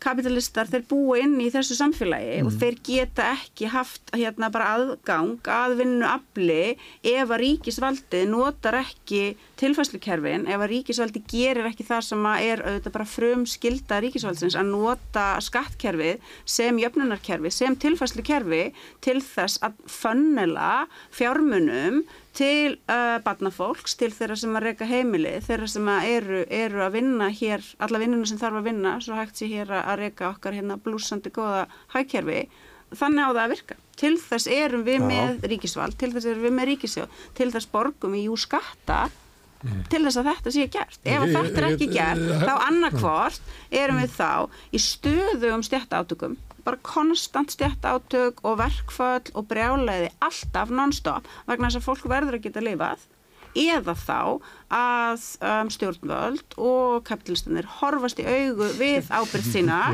og sætta sig við það að til þess að hér geti einmitt verið einhvers konar stöðuleiki, ekki konstant stjættastríð, ekki konstant bara Já. upplausn í lífi lálæna fólks, að þetta sé gert og við erum ekki að byggja mikið. Það sem við erum að byggja um, það mun ekki einu sinni hafa neyn hérna, verðbólgu eða þenslu hvetjandi áhrif. E það er ekkert svoleiðis sem við erum að fara fram á. Við um, erum að fara fram á bara mjög svona einmitt reasonable og, og nokkuð bara svona normal hluti að það sé tekið til í þessum kerfum. Ég bara Ég, get ekki ég eins og að skilið svekja ykkur með því að það sem er Sólveig annar að segja er ekki rótækt. Þetta er samkomin sem var gerðið á Vesturlundum eftir stríð Já, bókstaflega. og frá hægri mönnunum Bókstaflega. hljómaði þannig. Bókstaflega. Já, ef við sættum okkur við það að, að borga inn í velferðarkerfið, þá eh, hérna, mun hérna, ríki niðugreina uh, legstu launin, þannig að við, að við get, þá getum við borgað lægri Fólk laun að og, og við losnum við hérna, Það mjög- verði bara Það var hérna, mjög gott og skemmtilegt að hægri menn til dæmis myndu til dæmis hugsa hvernig getur staðið að því að árið 2018 tekur við mjög rótæk fórusta að verður hallabildingi eflingu. Hvernig, af hverju gerist það? Hverju vilja 80% sem taka því þáttu þeirra atkvæðakræðslu um, kjósa nýjan formann og nýtt fólk? Jú, vegna þess að uh, þá er ástandið um, orðið þannig hjá vinnandi fólki sögum húsnæðismarkaðarins og, og einmitt hörnunar velferðarkerfisins að fólk sér ekkert annað í stöðunni heldur en að fara aftur að reka harða stjættabaráttu og þetta er alveg rétt sem þú ert segunarsmári við erum einmitt hér ekki í einhverjum radikalisma, alltaf ekki. Heldur erum við einmitt að reyna að fara þá leið sem að hefur verið farin áður með mjög góðum og merkilegum árangri og sem að var bara almennt hérna um allan heim hort til sem svona uh, skástu góða að gera þetta með þessum hætti. að það er ekki hægt að reka samfélag það er ekki hægt að reka samfélag með risastórum hópi vinnandi fólks sem er með lág laun ef að tilfæslukerfin ætla ekki að koma til mótsu fólk og hjálpa þeim að gera líf þeirra betra. Það er ekki hægt. En hvar erum við núna frá því að róttæka fórustan var gósin? hvað mennur Nei, Hvernig er staðan í dag? í nýjaflingu Nei, í bara í, gag- í Það stjættabaráttu. það er Já, að reyna, einmitt. það verið að reyna að endursetja eh, sam, hérna, e, Það sem að- samkomulagið frá eftirstýsárunum. Já, er það að takast? Efling er með tvö stór uh, megin verkefni annars vegar að líðræðisvæða og opna félagið, tryggja jæmt aðgengi allra til þess að taka þátt í félagslegu starfi komast einmitt yfir þessa, þessa menningar múra tungumála múra gera það sem er til dæmis um, sumir láta eins og sé eitthvað erfitt að gera bara passa að fólk geti komið saman og allir geti um, komið skoðunum sínum á framfæri og haft rétt til þess að greiða atkvæði um það hvaða leið er að fara og það gengur bara mjög vel hjá okkur í þessu verkefni og svo er hitt megin verkefni okkar að reyna að finna leiðir til þess að bæta hag um, eflingar fólks og við höfum náð mjög miklum árangur þar. Við höfum gert góða kjærasamninga, kaupmáttur, innflytjanda og hvenna jógst mest af öllum eftir lífskjærasamningana og við gerðum mjög góða samninga 2020 við um, ofinbyrra löngræðendur þar sem að kjör einmitt eblingar hvenna bötnuðu verulega umfram kjör annara um, en við þurfum að finna leið núna til þess að reyna að ná árangri um, í lífskjara baráttu verka á láluna fólks í um, verðbólgu ástandi í þessu háa vakstasti og þetta er svo leið sem við ætlum að leggja upp með núna. Og ég vona svo sannlega að hún muni skila sambarilegum árangri. En vandin sem að verka á láluna fólk standa frammi fyrir er auðvitað ekki bara það að launin þeirra séu oflá vandin er risastór uh, húsnæðisvandi sem að verður að leysa og það er ekki hægt að varpa ábyrðinni á um, verkulisfélagin að finna bara einhverja töfra lausnir á öllu. Þannig þurfum við sterka pólitík, við þurfum öfluga um, flokka inn á þingi sem að berjast uh, fyrir hagsmunum vinnandi fólks, tryggja til dæmis að það sé hægt hér að byggja húshanda fólki til að búa í, hvað bull er þetta, það sé til dæmis ekki hægt, tryggja það, það er það og þegar við náum þeim árangri þá getum við svona virkilega farið að segja ok, þú veist, við erum, við erum að gera rétta hluti þe- þegar við komumst þangað en það augljóslega mun taka tíma augljóslega Má ég byrja þetta fyrir uh, hægri mennin? Já, alveg endilega. Þú hefur tvo kosti. Annars vegar hérna uh, fælst ríkistöðun á það að, að styrkja velferðarkerfið. Hinn kosturinn er það að þú verður að, að, að greiði þetta allt út í laununum. Þannig að þú verður bara hærri launakröfur og meiri átök á vinnumarkaði. Það verður einlegin til að stilla þessu upp. Eh, Svo annað komin þetta með aðra leið sem er það annarkvort ferðu þessa leið eða þú færi svona önnu í, í eflingu því hún var eiginlega kosin vegna þess að sko það var búin að brjóta niður velferðarkerfið og lífskjör lánunafólks og það bara, fólk rís upp Það hver er spurningin til? hvort, þú- hvort þú vilt, hérna, hvort að hægri menn geti fallist á annan stöðu pakka stjætt átök eða stærst velfærakerfi Já. Ég þú veist, auðvitað vil, vil maður stert, stert velferðarkerfi og við vil, viljum að, að þjónustæðan sittir staðar og, og allir hafi það allir hafi það gott, auðvitað, auðvitað vil maður það. Ég er núna að hugsa sko bara þú veist, hvernig eins og staðin er í dag, eins og þið nefnið húsnæðismarkaðin og eins og þið nefnið bara verðbólgunni eins og hún er í dag þetta er mjög erfitt fyrir ungt fólk að komast inn á markaðin sérstaklega með þú veist, það er ekki verið að brjóta nýtt land, það er ekki verið að byggja meira og það er búið að frista und fólk út á lánumarkaði mm. einmitt. Kannski hefðu við ekki átt að markasvæða eh, húsnæðismarkaðinn og, Nei, og kannski íbúðalann hefðu við til dæmis bara átt að ennþá verið með verkamannabústæðakerfi það verður nú aldrei snið kannski hefðu við átt að hafa íbúðalansjóð Mhm. Það var í íbúðalansjóður einhver svona fyrirbreyði á öllum Norðurlöndunum til þess að byggja upp sko, hérna, húsnæðis öryggi almennings. Það var ekki sko, kannski ættum við að vera með pólitíska stefnu sem að horfist í auð við það að það eru að það eru ekki allir ríkir að eru ekki allir hérna uh, fjármakseigandur það eru ekki allir að græða peninga kannski ættum við að vera með stjórnmálistefnu sem að horfist í auð við það að til þess að einhverjir geti grætt peninga og orðið ríkir þú þarfst vinnu afl og þú þarfst að tryggja að vinnu afli geti séð almennilega fyrir sér og sínum. Og kannski ættum við að vera með stjórnmálistefnu sem til dæmis viðkynni það að það að hafa þak yfir höfuði eru mannréttindi. Það er ekki gróða vara, það er mikil mannréttindi og vatn og loft og vegna þess ef ég get ekki tryggt mér þak yfir höfuðið Já, þá, þá get ég ekki lifað að fullu sem manneskja vegna þess að þá er ég annarkvæmst á rakkólum um, eða bara í, í já hvað, á ég að sofa úti undir byrjulofti. Kannski ættum við að vera með stjórnmálstum sem bara viðkennir þessi svona mest basic element af öllu. Að það er ekki hægt það er ekki hægt að vera með fungerandi samfélag þar sem það er stöðuleiki sem er um uppáhalds orð stjórnmálafólks. Allt snýst um það að vera með stöðuleika þú getur ekki fengið hennar stöðuleika þú gerir bara vissa hluti, grundvallar hluti ef þú gerir þá og ef þú viðheldur þeim og passar að þeir hörna ekki og hverf ekki þá getur þú fengið hennar blessaða stöðuleika Já. Er, lok- er- Það en eitt orðið sem þarf að útskýra betur. Stefna sjálfstæðalflokksins, bara eign fyrir alla. Það er nú gamalt, gamalt slagur sem að, sem að var notaður hvernig gengur þinni kynslu það? Alls ekki vel. Alls Þetta er ekki að virka. Nei, út af því að húsnæðismarkaðurinn var algróða vættur af því að félagslega elementi og þessi bara svona einmitt, grundvallar vittneskja um að þessi mannréttindi að geta tryggt sér þak yfir höfuðið, veist, það var fjarlægt. Er ekki líka núna að því að stór, stór hluti verðs íbúða og eigna þetta er ofinbyggjöld og, og kostnaður við að og lóðaverð. lóða, kostnaður við að kaupa lóður til þess að byggja þannig að fólk á, á mínumaldri sem er að reyna að komast út á húsnæðismarkaðin það bara startkostnaður við það að byrja að byggja hverja einustu íbúð er upp, upp í 20 miljónir er og það er bara áður en það er byrjað að byggja og svo, og Það er mjög undirlegt að eitthvað skort stefnu í húsnæðismarkaði á sama tíma til dæmis emitt að hér flest, þú veist, gríðarlega stór hópur fólks til landsins. Já, það já. er náttúrulega bara einhvers konar politist failure sem að væri mjög gaman að einhver myndi einhvern tímann svona óna og útskýra af hverju þessi fáralegu mistök voru gerð. Það væri mjög gott að gaman. Svo eru náttúrulega sveitufélögin sem, að- sem að gr- græða á hækkandi fasteignaverði með því að já. taka hlutfall af, af fasteignarmatninu í skatt þannig að þú veist, þau græða ekki þau eru nú að selja lóðurnar og svo fá meira, þannig að auðvitað þau eru að græða á þessu Já, já. en, en þeir sem tapa er, er við sem erum að reyna eignast okkar einn íbúð og, berjast við um að, Já. að lífið enda, sko. Það er mjög heimskulegt að gera einmitt uh, fleira, sko.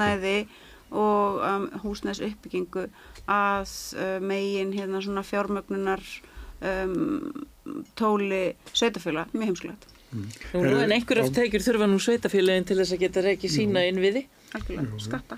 skatta. Já. Einu sem var til að, aðstuðugjald sem var frábært. Það er eh, útsvar fyrirtækina. Þannig að fyrirtækin borgi til sveitafélagsins fyrir þá innviði sem er fær frá sveitafélaginu, fyrir mm. leikskólana, fyrir starfsfólkið og annað slikt. Ég meðist það bara ævintýranlegt af hverju þetta var aflagt. Sko. Það gerir snemma á, á, á tíund áratum. Hörðum, krakkar, endum þetta í Sýbíri. Hún er rétt að byrja. Nei, er að, vilja sjá klukkuna? Í Sýbiri? Já, já, eða hérna Navalny málið og, og svona, ég held að við séum flest á því að þarna hafi bara manninu verið bara tekin að lífi. Er það ekki? Já, sko, oft þetta er út um glugga þarna og eitthvað Já. svona, en, Það kemur mann ekki óvart eða svo væri. Nei, ég segi það. Ég held að sem flest okkar gruna þá hans að hafa kannski mikið fyrir okkur en bara sögunar vegna. Sko. Mm. Og kostningar í, í Úrlandi framöndan bara verið að riðja úr veginn. Er það ekki bara? Það var náttúrulega í fangil hann gæti ekki tröfla kostinga það mikið. Nei, nema með bara orðsendingum. Jú, það mál ég, hvað, hvað er, ég er ekki búin að koma mér inn í þetta Nei. Heldur að hann hefði víst að hann hefði haft áhrif á kostningar að leið og hann bara kom, kom einhverjum orðsendingum frá fangilsinu sem hann hefur gert. Jón Ólafsson hefur bent á hérna að eh, svona menn þeir geta haft meiri áhrif sko látnir en lifandi þannig að það var bara það sem ég var að meina sko að, Já, já, skil. að það er hérna en ég veit, þú veist, það, það er frétti sem eru frá Rúsland er það að bara Putin hafi bara algjör tök á þessu landi sko Já, já, þannig að já, já. þeir miður, það var bara þannig Og þeir sem andmæla honum, eh, svona getur farið fyrir þeim, Já, eins og dæminn sanna, sko. Það hefur oft sérst, en þetta er allt saman mjög ófyrirsjánulegt. Hvað gerist? Já, mm. sýnir kannski bara byrtingamind þeirra hörku sem að býr í Pútín. En það eru pólitíski fangar víðar, það er pólitísku fangi í Breitlandi sem er nú, Já, með- er að gæla við það að Já. gæti jafnvel komist eitthvað lausna á hans mál bara fljótlega, Já. að því að Ástralir hafa gengið svolítið hart í því núna Já. að fá hann framseldan og það er svona vonum það að, að staðan í bandarækju sé, sé þannig að, að bæten bara sé með svo fullt vaskafattið hjá sér að hann bara að fá að sans til hérna og fara með réttarhöld ofan á allt annað að hann verði bara guðslumandi fegin ef að, ef að bara Julian Assange farið til Ástralíu og verði þar að jafna sig líklega næstu árum bara á þessari hérna hryllilegu meðferð inn í miðjum vesturlöndunum í bara, er þetta ekki kallað vina þjóð okkar sem eru haldið honum í tíu ár fyrir að vera bladamaður og fyrir að afhjúpa sko uh, grindarverk bandriska hersins. Já, ég er bara að benda á að það já, já, já, já, já. er, eh, margt er nýtt með þessu. Það er reyndar að, að, já, stutt í svona einhver, einhver, einhver niðurstöð í hans máli. Ég, ve- ég veit að ég með, með heyrist á því hvernig Kristinn Hapsson skrifa Já, já. það séu svona von en það auðvitað er það oft þannig að það er von í svona hópum En er ekki allt ástrálska þingin og búið saminast í því að berjast fyrir þessu? Já. Það er mjög erfitt að standa gegn því. fyrir Það er bandaríkjumenn. bara, já, það er bara hérna unanimous bara hérna um, baráttu stuðningur alls ástrálska þingsins sem er einmitt ekki bara einhver hérna svona hérna sem þessi menn geta sagt, já þetta er bara einhver skreitnir útlendingar, þetta er fólk eins og við. Og þetta er gert það því að, að, að Júlían er ástrali. Og það hefði verið eh, bara eitthvað, það, ég meina talandi um stjórnmálastjættinu í Íslandi, sko. það hefði verið ég hefði alveg getað þegið að Íslands stjórnmöld eða Íslandski stjórnmálamenn hefði eitthvað gert í þessu máli. Já, já. og það er bara því miður. Nei. En það, hérna, hérna, það við erum alltaf að tala um vestran gildi. Mm, en þegar það er verið að brjóta sko rýðfrelsi og tjáningafrelsi og Já. frjálsa pressu. Það var samt verið Íslendingar sem Já, sig já, auðmyndur það- og meina þannig að Já, Birgitta um tíma. en þetta er fólk sem er ekki lengur á Nei, þingi nei, ég bara segja að það var Já. samt, það eru samt Íslendingar sem hafa samt að reyna að- að beita sér og gera. Reistjóri Vikilíks er Íslandíkur og augmundur er hérna, allstar það sem maður sér eiginlega ekki allstar. Á mjög mörgu fundum það sem eru um hérna, þetta mál þá er augmundur þar já, já. og er ekki alltaf að flagga því hérna heima Herðu, en við verðum að enda þetta, klukkan er að, að vera ein- tvö krakkar, það er búin að vera lengi. Við þakkum ykkur fyrir komuna, Björg Eva, Solveig Anna og ég fara að reyna með Viktor Pétur. Uh, en bróðið við ætlum að sitja eftir. Takk.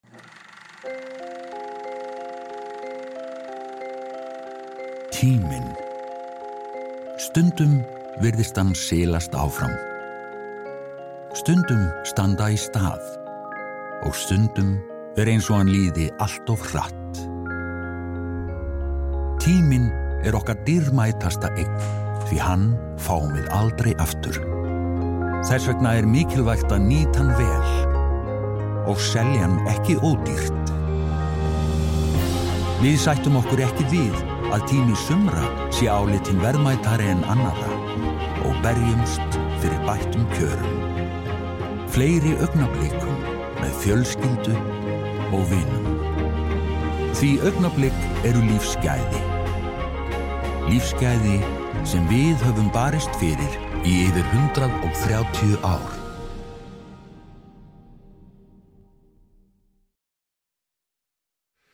Pólitíkin í þessu, við tölum um samfélginguna svolítið já, tölum saman um hann líka áður en við fórum í loftið. Já, lí, Okkur finnst- lítið um hérna sjálfstaflokkin Já, lítið umlega um FG nema. Björg Efa ítrekkaði það sem hún sagði að eitthvað staðar hefði sá flokkur tapað umhverfismálunum að flæði rætt undan vinstri grænum. Nema vera skildi að, að eh, nú eh, hérna, skilist tilbaka eitthvað fylgi sem hafa komið yfir á samfélkinguna. út af ég held að hérna sko stuðningsflokkur uh, Guðrúnar Hafsteinsdóttur og Jóns Gunnarsson eru í, í heimflýtildamálum sé ólíklegur til þess að ná fylg, óanægi fylgi frá samfélkingunni ef að fólk eru óanægt með En nú var ég að tala um vinstri græna. já, að þeir getur svo til sín fylgi frá samfélkingunni Já, Nei, ég meina ef að þú ert ósáttu við stefnu Kristúlunar í innflytjandamálum sem að hún er eitthvað að reyna að útskýra núna að sé ekki mikil breyting frá því sem áður var í samfélgingunni að þá finnst mér ólíklegt að fara yfir í VFG sem er í ríkistjórn og hefur eiginlega staðið fyrir Já. sko, Nei, ég átti við svona fólk sem hefur verið svona tryggir flokksmenn og kjósendur vinstri græna. já, Þeir eru, sem hún að melda sig við samfélkingun segin, er, þetta er bara ekkit betra. Við verðum bara, við verðum bara að fara í gamla flokkinu okkar og reyna að hressa hann við. Nei, ég, ég bara hugsa, En Þetta er að það kom svolítið inn í umræðan núna að það er náttúrulega eitthvað svona skil á milli almennings og stjórnmálana Já. almenningur á bara erfera með að skilja hvað stjórnmálin er að vilja og fara og, mm og, og sem að ég, ég hef nú nefnt þetta hérna áður sko, menn að ég hafi þetta í huga þegar mann er að lesa í niðurstöðu skoðanakarana að þetta er ekki að sína sko hérna valfólks þannig að það sé að velja það sem það endilega vill í lífinu. Það er að velja á milli margra slæmra kosta. Já. Og þess vegna getur sko fylgi verið svona rókjant það er ekki alltaf sko sko óanægja að fari frá þessum yfir og hinn og ég held að fólk sé alltaf mikið að lesa í þetta. Það sem að gerist er bara að fólk er hérna ég myndi halda eh, ef maður tekir svona afstuna til alþingis, eh, gott að byrja tröstu þess, borgarstjórnarinn er í, í, í Reykjavík sem er spurt, til, eh, spurt um uh, afstuna til ríkistjórnarinnar uh, óanægja með einstakar áðura, þá er kannski, kannski 20, bara 25% af fólki sem ber tröst til stjórnmála kerfisins. Mm. Þannig að, að langstæstu leitið er verið að spurja fólk sem að hefur hérna, ekki tröst á þessu kerfi, upplifið sig margt svikið, fólk sem að kaus vafki og upplifið það við svikið og svo getum við bara lappað í gennum alla flokka. Já, það er bara, það er bara í gær voru komnar einhverja meldingar um það á Facebook að ég var búin að ákvækja þess að samfélginguna en nú er ég snarlega hægt við það. Svona, þetta, þetta er svona, það kom einhverju reyfingu á hugafólks og, og þá bara, ha, býttu við er þetta rétt ákvörðun hjá mér sko? Að. Það sem að ég heyrði aðeins í samfélkingafólki, þegar við vorum svona svolítið að, að gæla við að vera kannski með umræður, sérstakar umræður þetta, en ég verði líka bara með á rauðaborðin í vikunni. Fólk er svona uh, margir sem eru ekki svona viljur til þess að ganga inn í þessa umræðu. Uh, hluta til vegna þess að, að það er sko fórustan sem er núna í flokknum heldur svolítið fast utanum hann. Uh, þú mannst þetta er þeir slögtu eða þau slögtu á, á Facebook spjallofnum þannig að það er bara búið að drepa svona umræðina það er eiginlega eh, lítið af svona fundum. Ég held að einhvern tímann uh, það hefur gert sko að fólku vilja halda fundir svona nei, nei við skulum ekki vera því sem er, þannig að það er svona verið að halda aftur að, að grassrótinni og hugmyndin er svo að, að, að þessi plan sem að Kristrún er með og líklega svona kostningastjórar hennar sem að sjá fyrir sig hvernig það ætla að halda þessu flugi til kostninga sem að rekur flokkin og þar með er eiginlega búið að taka úr sambandi svona líðræðislegan grunninn í flokknum eins og Viktor var svona, svona að benda á. Stjórnmálaflokkar eru náttúrulega flokkar sem að fólk gengur í og tekur þátt í að móta stefnuna og er með svona veist, eitthvað fyrirkomlaði hvernig stefnan er mótuð. En það er eins og samfélgingin hafi klift þetta sambandi. Að hérna kerfið er þannig og kom strax í ljós þegar Kristur tók við hérna í ræðinu sem hún held eftir að hún gjör þessu formaður þá mælt hún bara fram nýja stefnu samfélgingarinnar og sótti svona umbóðsitt í það að hún hefði ferðast um landið og talað við fólk þannig að hún voru bara endur skoða stefnuðu samfélgingarnar og svo var hún kosin og þar með væri fólk að kjósa þessa stefnu. Það er ekkert gefið að sko allir í samfélgingum lítið svo á. Þú getur kosið eitthvað formann og honum ber að reka stefnuna sem að flokksmenn móta. Já, já, ég er með hlutaðinni hérna fyrir fram að mig, það er það sem hún talaði, það tala um greinlega svona þvert í þetta sko, Já. í, í stefnumál flóksins. þannig það er ekki bara sko En þú ert á að tala um sko, það er stefnu, stefnu sjálf samfélkingarnar er til í mæltu máli hjá Kristján Frostatóttur. svo skrifar hún eitthvað sko, Já, já, svo er önnur stefna sem er í stefnu skráni. sem er gamla stefnan, það er gamla ég, þetta, þetta er bara inn á þeirra síðu. að hún telur sér ekki vera bundin af þeirri stefnu heldur og, og, og, og ég talaði Þetta nú, nú er þetta svo, Ólaf Ragnar sagði sko, eh, hann var ekkit bundin á. Nei.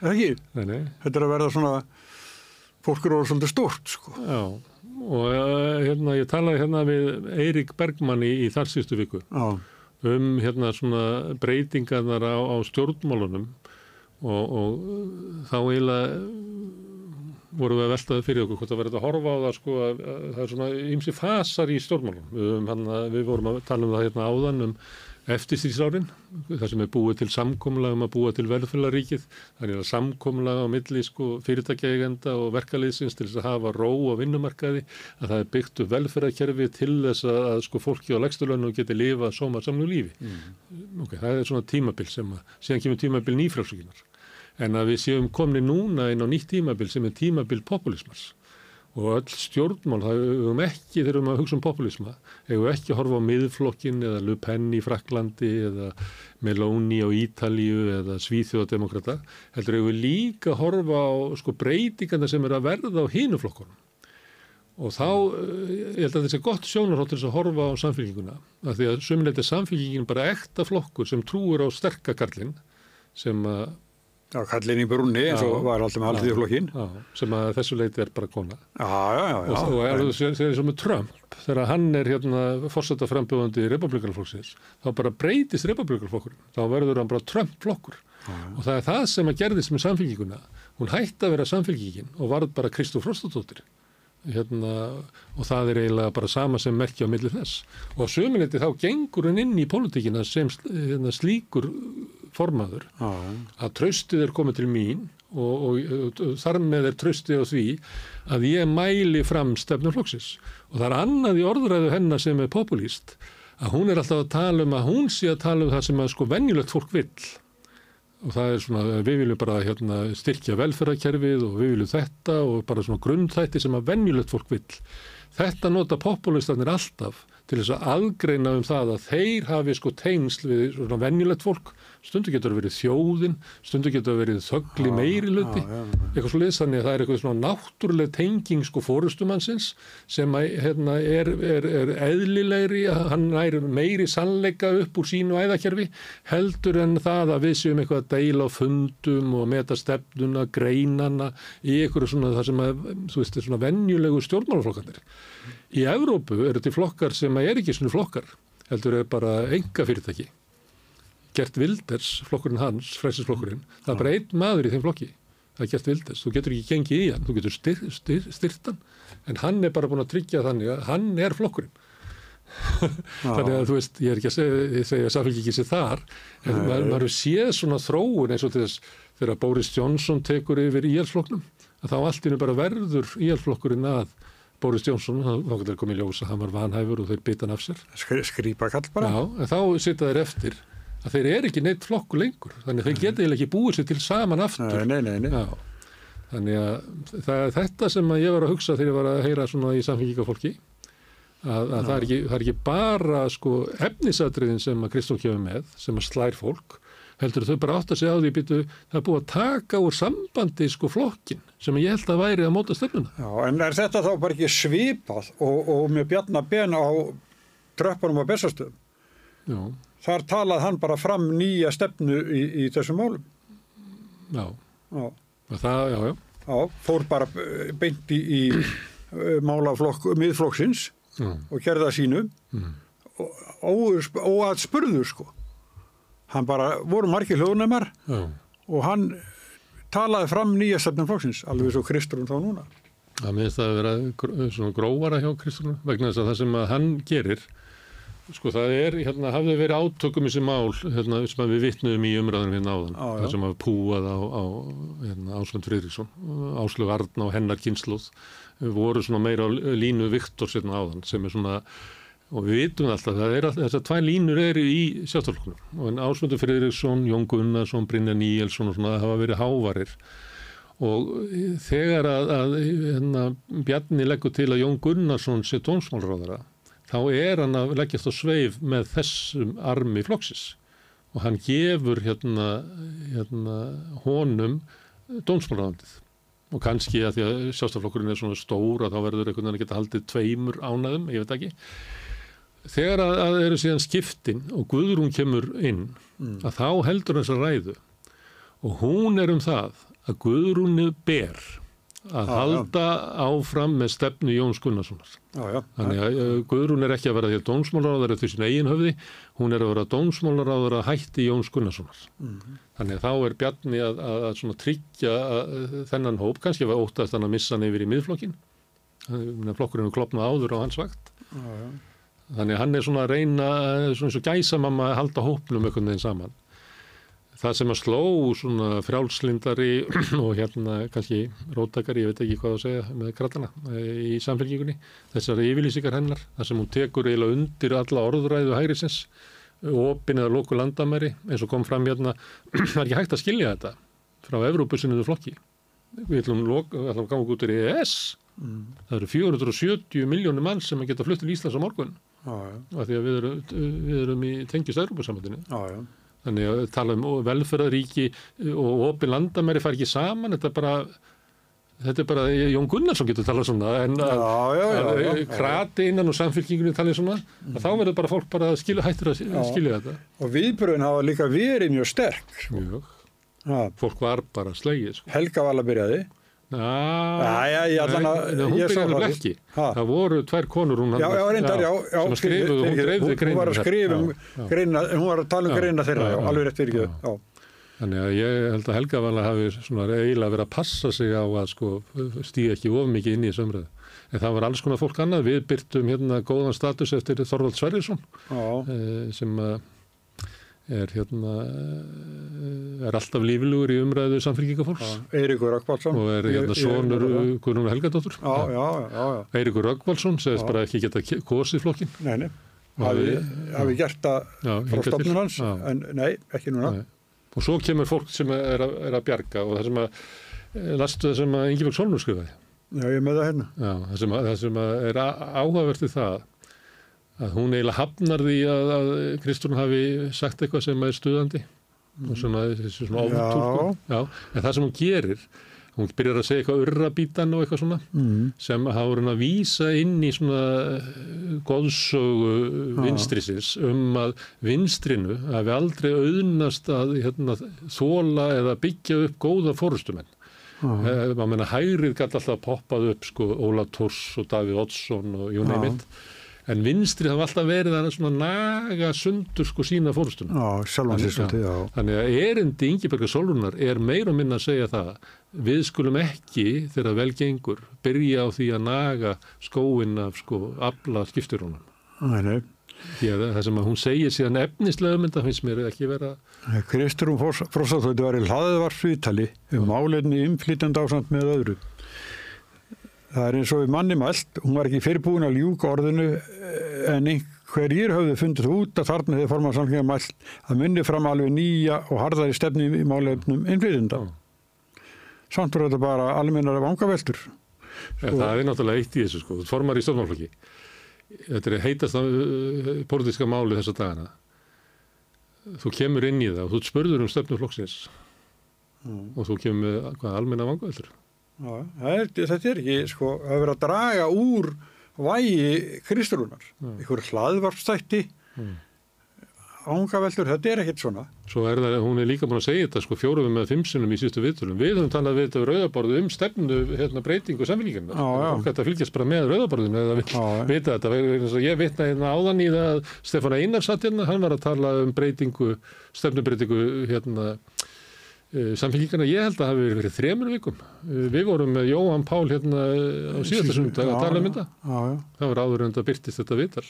Já, svo segja endar ekki við Solrún látum ekki síg okkur á hverju á annað, sko. Þetta er svona, Það er sem að ég var að vitna í að það er, hérna, það er svona hugmynd vinstrisins um að vinstri standi ekki saman og til þess að og þetta er, þetta er, eiginlega- þetta er svona blerisminn sko að við höfum að, hérna, að vera með stefnu sem að skila sigri og það fælst í því að við sækjum inn á miðjuna við tökum upp orðfæri hægrisins stórt erind okkar inn á miðjuna er það já, já, ég, þú veist hérna, við, en við getum gert þetta betur. Þú veist, við ætlum ekki að breyta enninu sem að hægrið er að gera, við ætlum bara að gera þetta betur okkur er betur tristandi og þau eru byrjað að segja það, ég sá hann Guðmund Átna segja um daginn, þegar að við tökum við völdum, þá er það veist, þetta er bara að sömuleitt er eins og samfélgið sér stjórna kostningastjóra, þetta er svolítið fyndið, þetta er hægt að vera ég stjórnmál finnst þetta svolítið líkum í donna, þegar við tökum höldum að alltaf sko ákveðin baráttum aður, sko. Já, það er, er svolítið töffarinn það er ekki bara hann sem segir þetta sko. Nei, nei, nei, þetta þegar við tökum við völdum, þetta finnst mér svolítið líkt þetta, þetta gerði Blair líka að stilla verkamannaflokknum upp sem valkosti á móti íhaldsflokknum og að sömuleit er, er samfélgið sem hann lítur alltaf að vera í þessu í því landi, sko. í Þýlandi að þeir eru bara Já, tveir en þú já. getur ítla gert það á Íslandi það sem eru sko Flokka kraða ekki, svo Bjarni Beinþjórsson segir. því að samkomulagið sem á sér stað inn í verkamannaflokknum áður en hann býður sér fram er sko samkomulagið sem að þú gerir í stjórnarmynduna vera þeir sko þannig að, að sko að, að, að verkamannaflokkurinn tala einhvern veginn svona stíft inn á miðjuna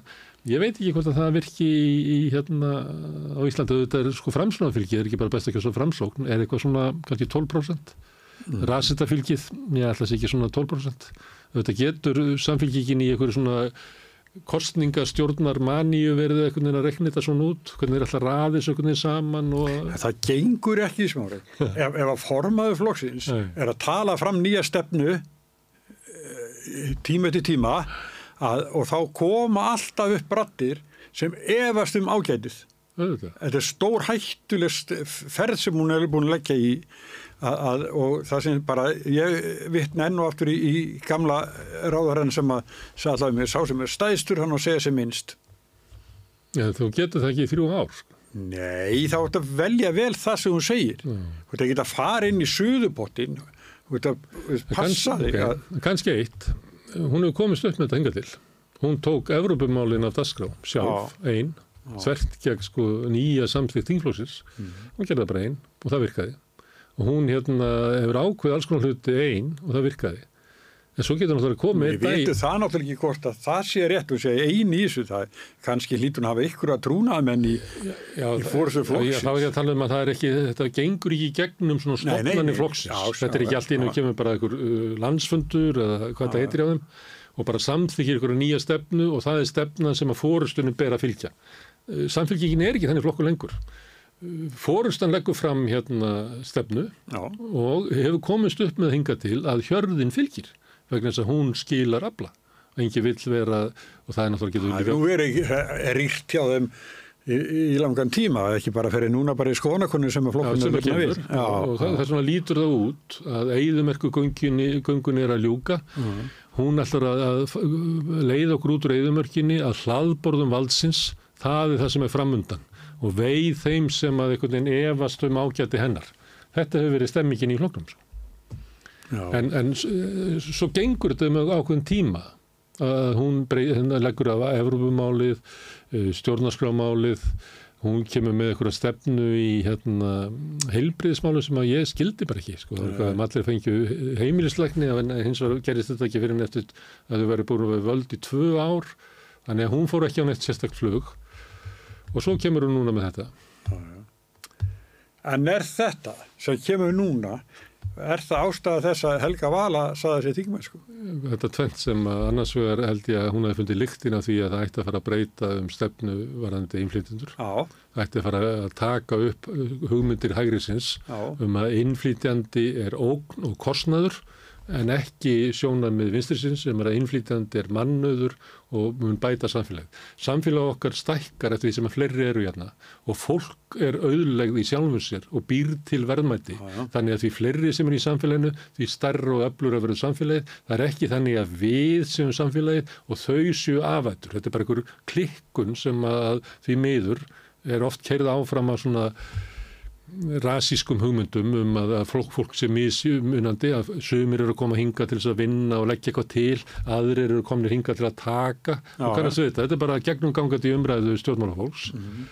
uh, ég held að, Helga Vala hafi svona fundið lyktin að þessu en ég held að sé líka þetta sem ég var að segja áðan að það er bara búið að klippa uh, sko flokkin úr sambandi Mm. hann er eiginlega bara skrifstofa formansins já.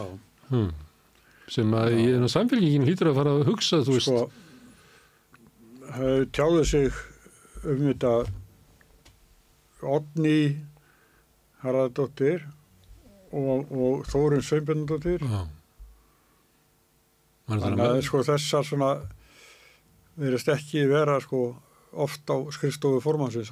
Nei, það er nú þekkt að það er svona að hérna óskalista kristrúnar um, um frambjóðundur Otni er ekki þar sko, ekki fyrir eitthvað helga vala var. Það verið gaman að heyra í loga sem að ef að logi gerði eitthvað, það var ákáður í þingi, þú maður eftir þessu. Að þú veist, það var ekki alltaf að hlaupa upp í ræðupúlt, en þegar það var að ræða hælisleitur og innflytjendur, það var alltaf fyrstur. já, Þetta var eiginlega, ég vissum að ef við myndum tala við Loga og spyrja svona hvað, á hvað er lagt mest áherslu með hann var formaður, fyrir þetta bara að, að halda þessum litla flokki saman, já, að þá hafi það verið sko málefni hælisleita. já, já, já, já. Það var mjög ákafur Já, talsmaður þeirra ekkit síður en Helga Vala sko. Nei, Helga Vala náttúrulega hefur gríðalega reynslu úr málafloknum, hún hefur verið starfað sem lögfræðingur með hælisleitundum og fleira, hefur Já, insýn inn í þetta. Já, já, og getur svarað hægrinu sem að Já, kemur með já. sínar hugmyndir en það sem að mér fannst mest sláandi með Kristrúnu að mér finnst hún bara ekki geta það sko. Mér finnst hún bara Já. ekki hafa sett sig inn í þessi mál. Hún segir meiri segir viðtalinu hann í einn pæling að þá hún spurt hvað með fjölskyldusamningar þá segir hún já ég hef nú ekkert sett mig inn í það. Og ég sagði bara ha? Þessi búið að vera aðalmál á Íslandi í tvo mánuði Já. tjaldbúðin er á já. hvernig er ekki hægt að setja sig inn í þetta? Já, og í þessari stöðu sko, hvernig er ekki hægt að setja sig inn í þetta? við sittum hérna við rauðaborðu og við bara neyðumst að setja okkur inn í þetta. Já, þú veist, af einhvern svona skilning á því um hvað deilan er. Já, já, já, já. Já, já, það er nefnilega þetta sko, hann talaði loga eins og ég sagði hérna á hann að, að í staksteinum morgumblasins, núna lög- í lögadagsblæðinu, þá er að tala um þess að stefnum breytingu á Kristúrunu og svo aftur hvað logi þá formaður sagði allt annað fyrir tæpið þreymar orðum. Já. Næstu eins og Inga Sæland sem ég var að lesa hérna, já, Inga ég- Sæland 2022 og 2024. Bara það þekkjast ekki. nei, nei, myndi ekki heilsast Nei, það myndi ekki, það heilsast. Herðu, má ég segja eitt sem að er eiginlega algjörlega auðvitað Af Því að það rifjast upp fyrir mér hérna því við vorum að tala svolítið um fjölmila og svona þeirra hlut í þessu, hvert þeir var að fara og svona. já, Um, þá hérna að þið verður bara með stjórnvöldum mm, að með stila svona skýrasta dæmi um það er hérna vika með gíslamartinni og hérna Náum Chomsky bjóð til bóka og svona öðrum sem að hérna er um það að sko megi hlutverk fjölmila eins og þeir starfa hérna, er að selja hlustundum og lestum svona sátt við óbreytt ástand það eru til bladamenn hann inni í kerfinu sem er að vinna gegn því. En þetta er það sem að Mokkin er að gera og þetta er það sem að Rúf er að gera. Já, þetta er það sem að New York Times er að gera. Þú veist eiginlega er bladamennskan eins og við upplifum hana algjör undartekning í þessari maskinu sem fjölmiðlar eru. Megin tilgangu fjölmiðla er að selja fólki sátt um óbreytt ástand. Og við erum með stjórnmál ástand það sem er núna eins og kom hérna fram hjá Björg Efu svona tilfinning og menna, þú talað við fólk og það er bara svona róf á milli almennings og almenningur búin að missa trú á stopnununum, ríkistjórninni, alþingi, borgarstjórninni, stjórnmálaflokkunum, stjórnmálafólki og einhvern veginn, mm, við getum tekið dæmi af, af íbúafundunum í lögatarsöll, það sem að grindvíkingarnir á gólfinu og hinn eru við hásætið og það var bara, það var augljóst bara eitthvað rof á milli fólks og maður hugsaði hvers svona samfélag lifum við í, það sem að stjórnvöld bara viti ekki hvað almenningu vill og, og annarkvort eru ekki bara veltaði fyrir sér eða bara leiðin þarna upp er orðin svo skrítin. Kannski eru stjórnmálafólki með í kringus eitthvað aðstofamenn og eitthvað fleira sem er alltaf að tala um hvað þau séu klár og smart og eitthvað svona og bara eru lost in space. Ok, en við lefum í svona ástandi.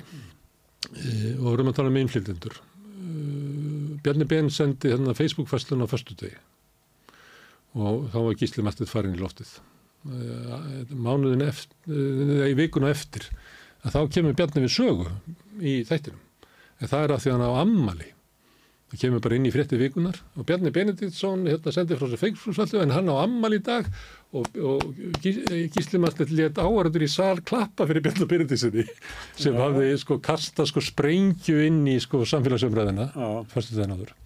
Svo í spjallin og eftir að þá að því ég skrifaði þetta upp sko, en ég hafði ekki, ég var að hugsa um að nota þetta eitthvað, en svo bara eh, sá ég þetta á texta sem allt í einu. Þá segir hérna gíslimartinn og þau eru bara, hann er bara að tala við fólkið í sofunum. já, Já, ég segi líka sem fjölmjölamæður sem er að tala við fólkið, ég, ég held að þessi ríkistofn hafi verið sem tvísar af því að, að fólk fílar þetta fólk, treystir þeim, tengir við manneskjurnar. Ég held að eins og þau þrjú leiðtóða þessar ríkistofnar, fólk sem hefur alls konar skoðanir, en ég held að fólk tengi við manneskjurnar hjá þeim og þess vegna hefur þeim gengið vel. Á þessum tíma þá var sko tröst á ríkistjóninni komin nýri 31%. Þetta er svona leiðið með að vera ríkistjótt sögunar. Bjarni Benediktsson er óvinsaldið stjórnmálamaður Íslasögunar. Það er bara hannig. Uh, Katrín Jakobsdóttir hafði styrta sko staðstu pólitísku inneg sem að nokkuð verið átt fyrir utan Davíð Oddsson í þessa ríkistjón. Mm. Framsónaflokkurinn er bara með helmingina því fylgja sem að var. Það er ekkert sem að meikar það að þessu fólki gangi vel eða þú veist að fólki líkar við þau.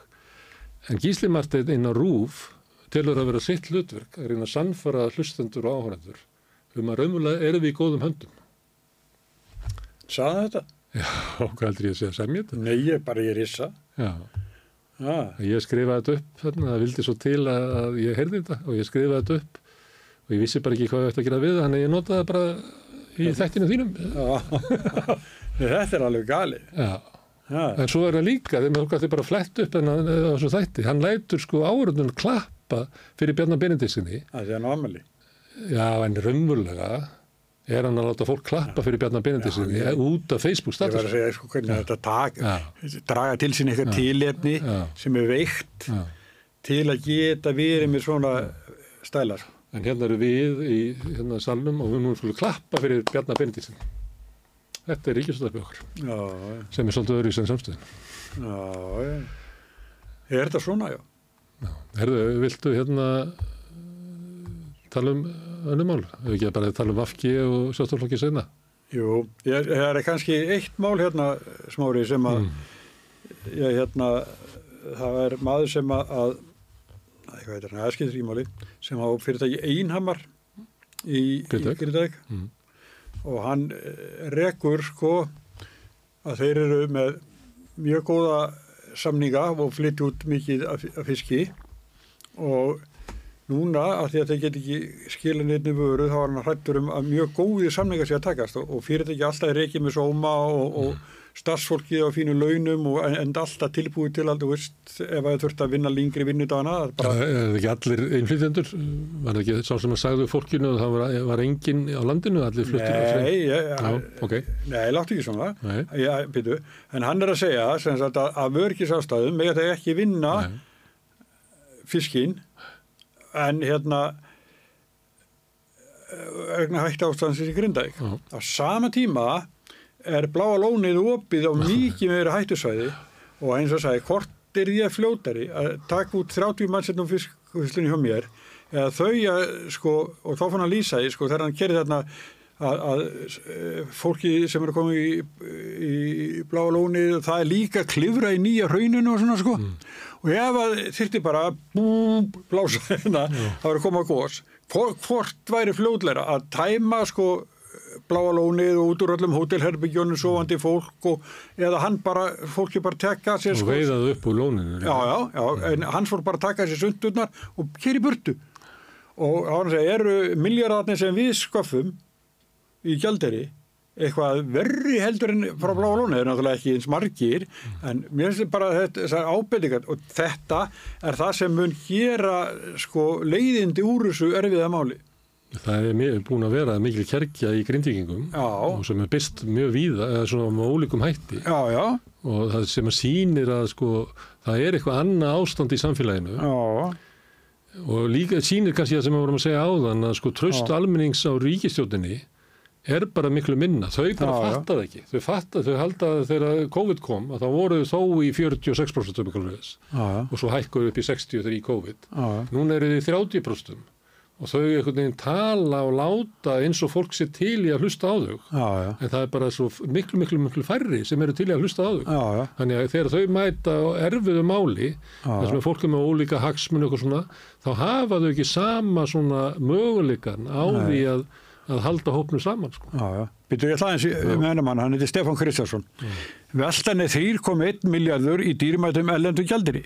Störfin eru 60, laun og tengt gjöld nema 1160 miljónum eða rúmi miljardi og eru einn hæstu meðalaun í íslensku sjóruðvi. Árákunni starfsfólkinu okkar að þakka, þrótlis vinna langa vinnudag og allt þetta og, svo segir hann hérna sko, hann er að, að já, ég hef búin að segja þetta svo sem að þetta eru störfin okkar í Grindavík minna virði en láglauna störfin í bláa lónunu og mér finnst þetta vera stór hættur eitt mál að, að ef þetta er svona að, að þannig er mjög, eins og hann lýsir þessu þetta, og við þurfum að hann þarf ekkert að segja við getum bara að segja mm. þetta sjálfur þannig er mjög mikil mismunum ef að bláa lónum áður opið rétt við þarna, sarsengi það sem að landri segja sem mest og nýjasta gósi sýnir hvað er, þetta er hættulegt. En svo aftur Sýri Grindavík. Af hverju? Þetta er, ég, ég vissum að þetta verður eiginlega erfiðasta málið.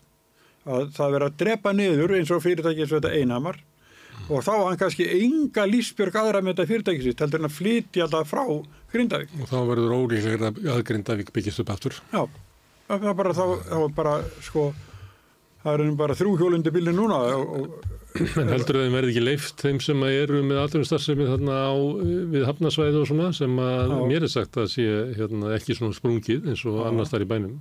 Heldur þess ekki líklegt að þeim verði bara leift að fara þarna á einu ábyrð? ég, ég bara það er ekki allan að koma svo leið sko. en það, sko, ég er þetta sko, eina bara er ekki upp á vendir alls sko, heldur það er, þetta er bara fyrirtæki sem veldir yfir 3 miljörðum á síðustu ári með 60 manns í vinnu. Launin eru réttum, og leiðantugjöld er réttum 1,2 miljardur sko. Og, og ef við varum í þessar stöðu, við myndum bara hvað hverju má hann gera þetta, en menna, hann er nær, nær hættun heldur en við og með fólk út um allt sko hann sagði ekki, hann fór að sko þetta var keirandarnum fyrir dösturum sagði hann sem bílónum Það var, ég held ég netinu Amerikani sem hafi verið í bláalóninu Já. og þegar komið sér með hálftíma fyrirvara, Já. leist að pakka niður og fara út og hann er að lappa út á bláalóninu þegar gósið er byrjað sko. Já, já. Þannig að þau fóru bara og voru með bara að taka mynd af gósinu á leiðinni út sko. Þannig að þau voru ekki farin út þegar að því að svo skammi fyrirveri sem getur verið. Það sem að mér finnst skrítið við grindækumálið er að, að það er eins og stjórnvöld ætli að gera eitthvað svipað var í COVID sem er þá bara að láta sérfræðingarna sjá um þetta og, og leggja línunar, þannig var það leggja framan af. En þetta er miklu flóknara mál, kannski, endur en að, að það var þá. Ja. Því að þannig eru bara eh, mjög ólíkir hagsmunir og, og þannig að maður fór að velta fyrir sér svona, af hverju er ekki bara búin að búa til svona bara bráðabyrða ráðuniti um grindavíkumál þar sem að sko vera að sapna saman ákvörðum til þess að passa það þessi samræming í ákvörðunum. Þannig að stjórnvöld er alltaf bara að vísa á lauruglustjóran á, á hérna, Suðunisjum. Og, Já, sem svo aftur er með afleiki sko. Já. Hann er að stoppa fjölmila frá því að fara hann inn og, og sem er, við lærði, áttum að hafa lært þetta Súðavíkur snjóflóðinu að til ein hreyfimynd úr því og tekið 8 mm vél eins björgunamanns. Það voru bestu myndatökuvelar á þeim tíma í frystikofni. geimdar inn í fristiklefa sem reynda var ekki kveikt á frostinu en, en það var fristikgeimslan hún var tóm og þanga var fjölmjölum bara það inn og náttúrulega lokað sko og, og, og það, þessi Úlfar Lúvíksson hann er eh, raunverulega að hann skilur ekki hlutur Ég held og allt út af því að einhver eitt stafsmaður rúf var að reyna að komast inn í eitthvað hús. Það er veist, þetta, þetta er bara ótrúlegt sko. Ég held að Ríkistjónin sé að flaska á þessu og hún heldur að hún getur bara vísað í að, að hérna, sérfræðinganir eða tilherandi stofnanir eigi bara ákveð þetta. En það er engin svona samræmingar stjórn á þessu. Nei, svo er kemur viðtölu við forsætisráður og kemur eitthvað úskilnilegt orðasalat sem enginn höflist á sko. aldrei tekið á málinu eða sagt eitthvað sem skipti máli eða, eitthvað, eða upplýsa okkur um eitthvað, nei, aldrei. Ég, hérna, ég held að, að þetta sé hættulegt mál. Ég held að það er að svona menn sem hafa staðið sína plikt sko með sitt fyrirtæki, reykir það vel og allt í góðu. Ef þeir megi ekki en sá sem er nær hættusæðinu hann má. Vegna hvers? Vegna þess. Nei, vegna þess að, að þeir sem eiga þarna eru kannski bara nær, Valdinu. já, ég held að, Það er nú ráðherra sem á óbeint hlutana. já, já, Gulli, Gullur Þór, Þór, í gegnum. Ágústu konu sína. já, já, já, já, það er vitað, en svo, já, nei, það er bara, við, hérna, Allir hann viki af ríkistöðafundi þegar það verið að ræða um Reykjanes elda út af hagsmunateklum. nei, alveg öruglega ekki, en þú myndir, hérna, víkja af húsfundi ef að kemur til greina ég ætti að þú, eh, hérna, eh, fá eitthvað, eh, já, glukkaþóttin, Já, já. þá verður þú að víkja húsfundi, ha, Herðum, Já, er, er þetta ekki orðið gott hjá? það var gott okkur. Nú ætlum Allan við... að langt, ég veit ekki hvað þetta er gott. ég það. Nú ætlum við að hérna, skiptum gýr vegna Já, þess að hérna, við vorum með beina útsendingu hér í gær að fundi í Háskóla Bíói stórfundur til stuðnings Palestínu. Við vorum með líka beina útsendingu hérna í af sama tilefni. Þetta eru mál sem að, að snertimarka, hérna, átökin á gasa, já bara eh, fólk var bara í erfileikum með þetta og finnst að vera svona að hvert okkar eigi að taka ákvörðun í málinu, einhver afstöðu. Og svo er náttúrulega í gangi núna björgunar leiðangrar e, sjálfbóðaleiða til þess að bjarga þeim því fólki frá Gaza sem að er með dvalarleif á Íslandi en er fast á Gaza það hafa komið uh, áttamanns til Íslands og það er vona á tólfi viðbútt en það er söpnun í gangi til þess að, að bjarga fleirum frá Gaza. Því miður hafa stjórnvöld ekki náð að gera neitt í þessum málum. Það eru sögur um það eða einhverja frásænir um að það veri fjóri sendifutur og sendið til Kæró en það veri lekkit frest af þeim. Uh, við veitum ekkert hvað þeir eru að gera. Þannig að það er uh, mikil degla í kringum þetta mál og, og félagið Ísland-Palestína hefur staðið fyrir ímiskonar Eh, mótmælum, mótmælagöngum og mótmælafundum en líka samstöðufundum og kjartafleitingum líka e, svona mótmælastöðu fyrir utan ráðhrabústæðin og utarkisráðunitið og, og víða.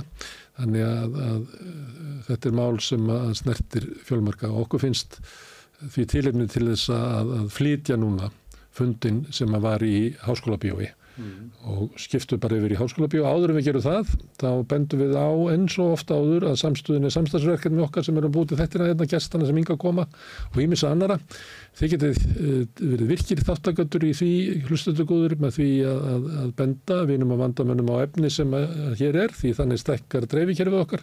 Því sem að viljið uh, geti gerst áskrifundur, það kostar 2500 krónur, þá farið inn á samstöðum.is það er nappur sem ástendur áskrift.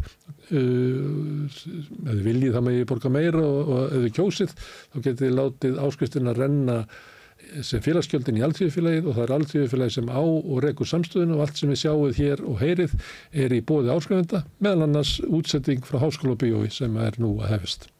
Um 60% eblingarfólks á erfitt meðan á endum saman. Hvernig er þetta réttlæta það? Ebling stettarfélag. Baróta fyrir betra lífi.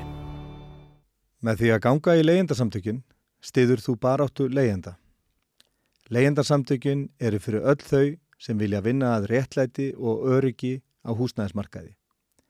Leyendarsamtökin.is Þarstan að tala borgarfulltrúa. Borgarfulltrúar Sósilistaflokksins er með viðtalstíma alla mánudaga klukkan 13.30 til 14.30. Það þarf ekkert að bóka tíma, endilega kikið við í Bólholt 6, 105 Reykjavík.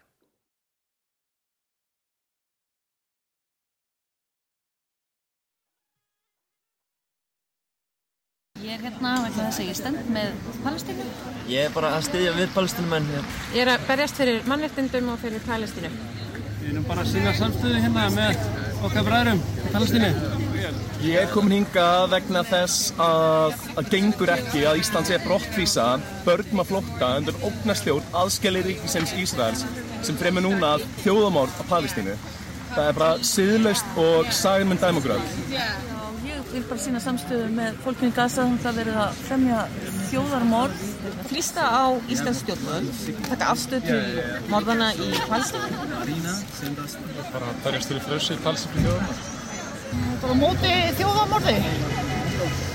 Já, bara saman já, við mótbólum þjóðarmorði. Palestína pressar okkar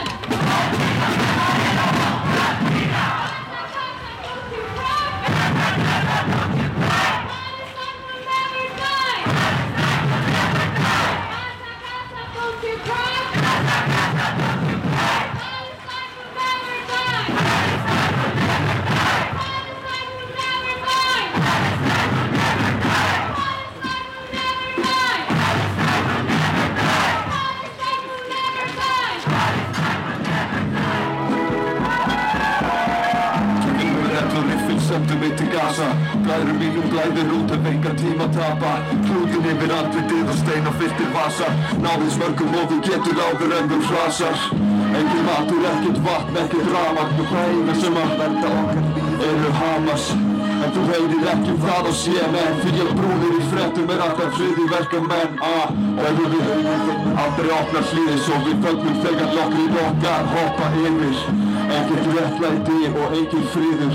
Auðu fyrir auða Sama hvernig tilbyður Ríkistjóðin situr hjá og leiður þjóðin ekki að tala Og vildikinn að baka og sakna metrum inn á strafa Motherfucker þú endist ekki en daginn en í gasa Svo döndið ykkur aftast fólk að ríkistjóðin hjarta. Jalla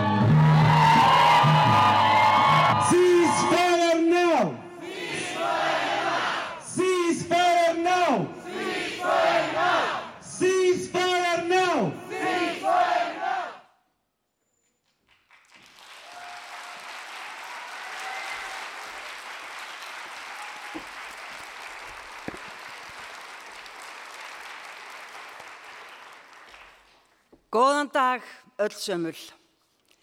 Ég heiti Ragnheiður Steindórsdóttir og ég hef fengið það kærkomna hlutverk að leið ykkur í gegnum þennan fund hér í dag.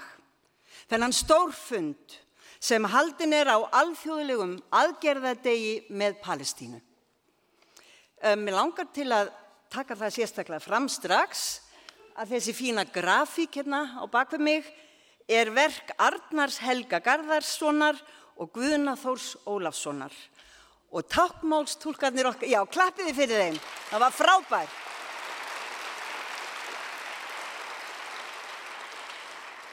Og takkmálstúlkarnir okkar hér í dag er hún Lilja Íris Byrnudóttir,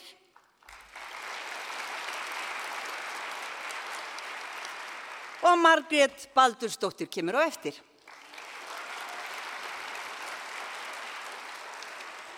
Hjartans þakkir fyrir að fjölmenna hingað í Háskóla Bíó, svona mörg. Við komum hér saman í kærleika sem manneskur. Dætur, sínir, mæður, feður, systur, bræður, ömmur og afar. Sem borgarar í samstöðu með palestinsku þjóðinni. Vegna þess að við sem elskum okkar eigið fólk getum sett okkur sjálf í spór þeirra sem býða millir vonar og óta eftir fregnum af ástvinnum sínum sem eru í bráðri lífshættu. Við erum hér vegna þess að okkur langar að leggja okkar af mörgum í baráttunni gegn þeim hryllingi sem hefur dunið á Gaza í á fymta mánuð. Nú eru um 130 dagar liðnir síðan Ísraels herrhóf árásir sínar á Gaza. Og 75 ár síðan hernám Ísraels ríkis á Palestínu hófst. Almenningur út um allan heim hefur mótmælt þessum grimmilegu árásum Ísraels hers. Og hér á landi hafa mótmælagöngur, kertafleitingar og samstöðu fundir dreyið að sér fjöldafólks hér í Reykjavík og einnig á Ísafyrði, Akureyri, Egilstöðum og Seyðisfyrði. Og myndbandið sem við sáum hér áðan sínir brotabrot af baráttunni hér á Íslandi. Og það gefur okkur vonum að heimurinn sé ekki búin að týna mennskunni. Þó valda fólk virðist í mörgum tilfellum hafa gert það. Dagskrán í dag hefst á ávarpi Ingi Bergar Solrunar Gísladóttur fyrrum utanríkisráð þeirra Íslands. Gjörðu svo vel, Ingi Berg Solrún. Ágæta fundarfólk. Árósinn hörmulega 7. oktober og fjöldadrápin skelvilegu á gasa verða ekki til í tómarúmi. Þau eiga sér 75 ára forsögu um skamsíni og místök alþjóðasamfélagsins og ójabræði og óréttlæti í samskiptum Ísæðismanna og palestínumanna sem alþjóðasamfélagið hefur snúið blinda auganu að. En fleira kemur til. Því á undanförnum tveimur áratugum höfum við hort upp á aukna skautun í alþjóðasamfélaginu, aukinn stuðning við ólýðræðisleg og stjórnlind öll á vesturlöndum, minna umbyrðalindi gagvart ólíkum skoðunum, atlögu að frelsi og réttindum hvenna og ímins að minni hlutahópa og aukinn ójöfnuð. Það er aukin áhersla á vopnavæfingu þjóða og endur nýju trú á að gömul og erfið átakamál verði helst leist með vopnavaldi þrátt fyrir að saga árþúsundana kenn okkur annað. Þessi 20 ára þróun sem hófst með árásin og tvíburaturnan í New York 2001 og innrásin í Afganistan 2002 og Írak 2003 hefur nú leitt til stríðsátaka í Úkrænu og skjálfilegs blóðbaðs í Palestínu. Millir þessara atbyrða er ekki beint orsakasamhengi. En þeir eiga allir rót sína að rekja til aldagamalla tilvistar hugmynda karlveldisins um að völd séu aðst og eftirsóknarverðust allra gæða.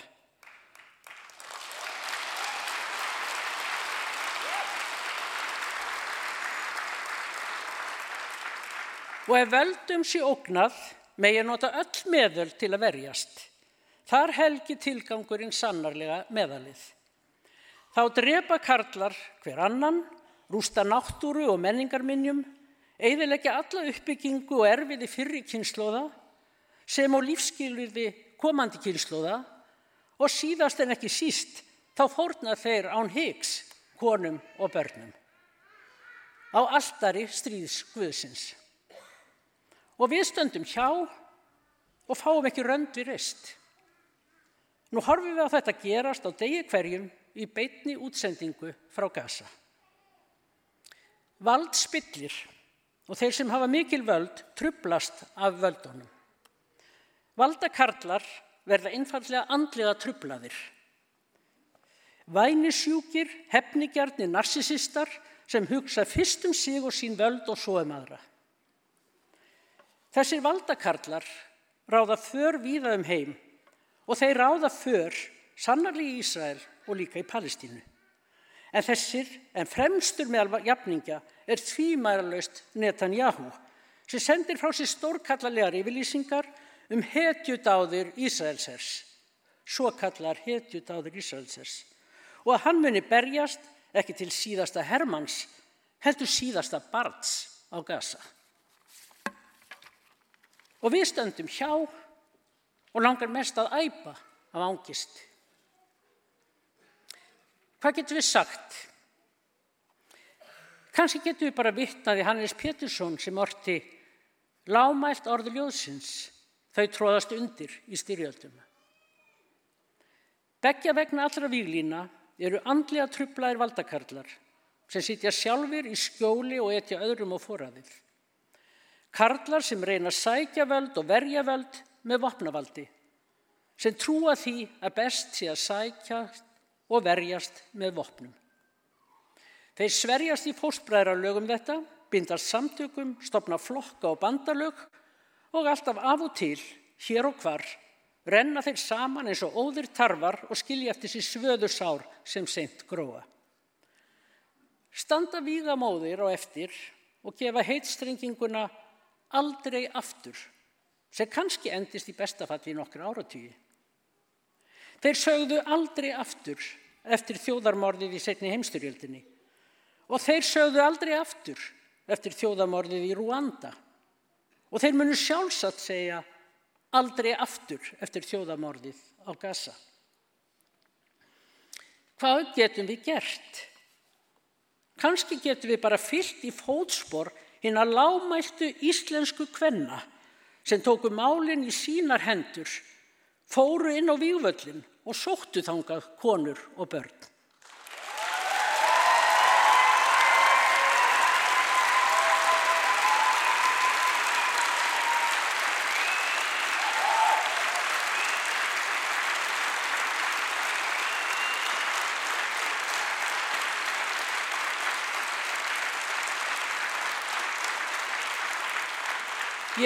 Ég, ber ómælda virðingu fyrir þessum konum og aðgerðum þeirra. Þær hefa sett merkilegt fordæmi sem er seint gleymast.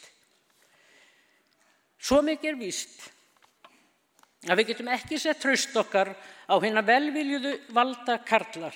Þeir eru vissilega til af öllum kynjum. Sem eru svo uppteknir af réttum vinnuferlum og boðleiðum og diplomatískri kurtesi að þeir virðast ekki gefa því gætur að fólkið fellur unnvörpum á gasa meðan þeir stíga menuett í alþjóðastofnunum og sendiskristofum heimsins.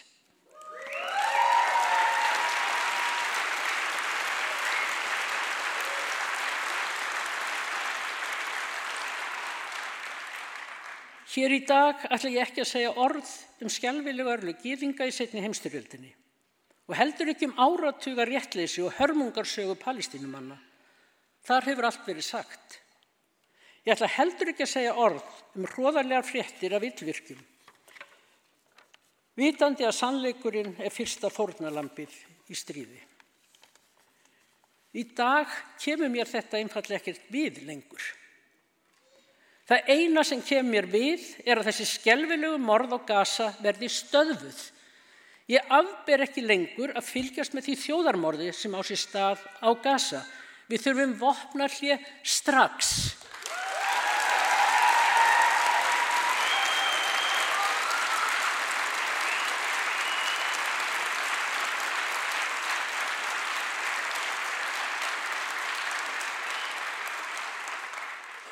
Og ekki segja mér að það sé svo flókið. Ekki segja mér heldur að það sé svo flókið að sækja fólk til gasa. Vilji er allt sem þarf. Vilji til að sinna þeirri aðstu skildu að vernda líf en tortíma því ekki. Við lifum...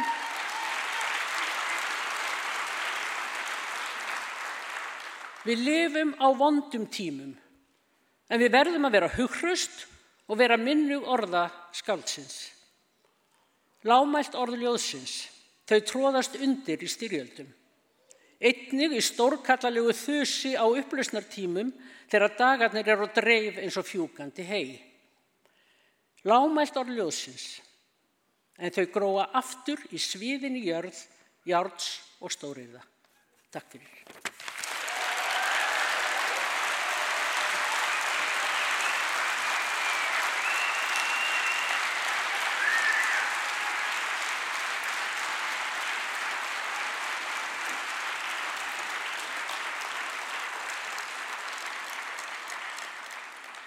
Takk fyrir þetta skelega innlegg, Ingeborg Solrún. Þarna var nú ekki tölun einn vittlesan. Þetta er sannleikurinn, blákaldur sannleikurinn sagður beint út úr pókanum.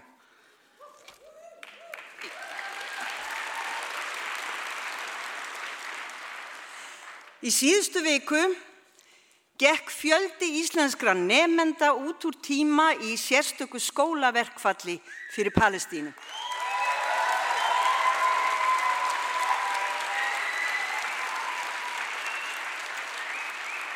Til að sína samstöðu sína og heldu í kjölfarið einn kraftmestu mótmæli baráttunar til þessa.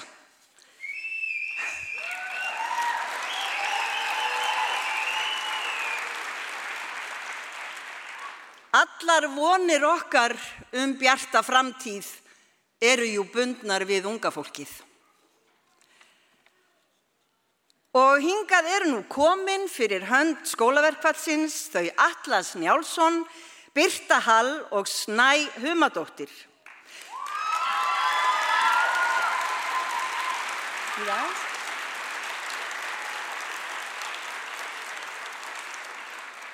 Strax á eftir þeim verður svo spilað myndbandsávarp Fida Abelhadi Nasser frá Palestínu sem er fyrrum fasta fulltrú í Palestínu hjá saminuðu þjóðunum. Og við fáum síðan að heyra fluttning á arabískri tónlist þar sem spilað verður á ót, á slagverk og sungið. Gjöru svo vel Atlas, Birta og Snæ.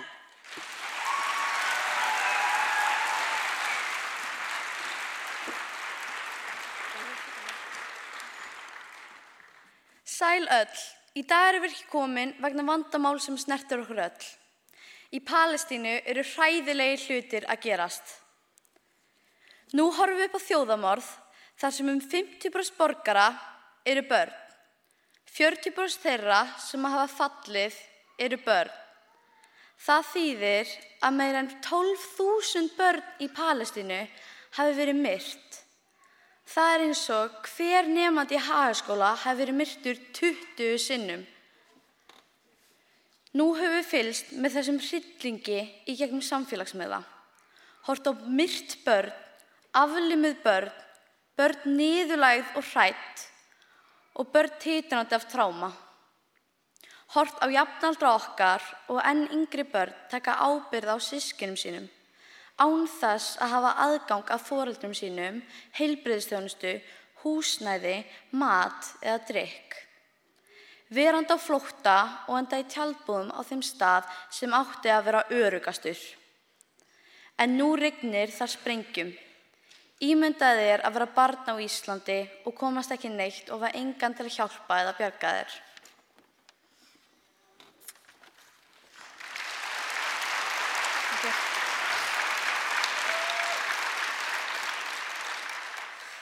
Börn eiga fáara börn.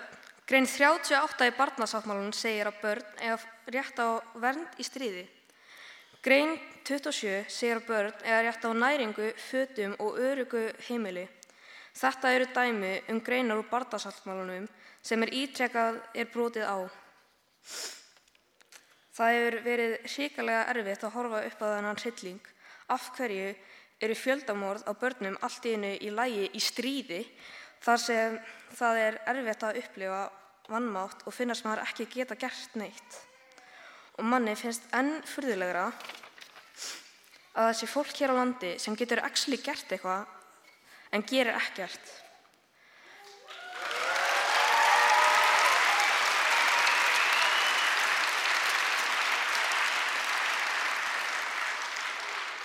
En þörfin til að reyna að gera eitthvað var orðin svo mikil. Við komum saman nið, og niðurstan var að halda verkfall og sapna saman og mótmæla á Östuvelli.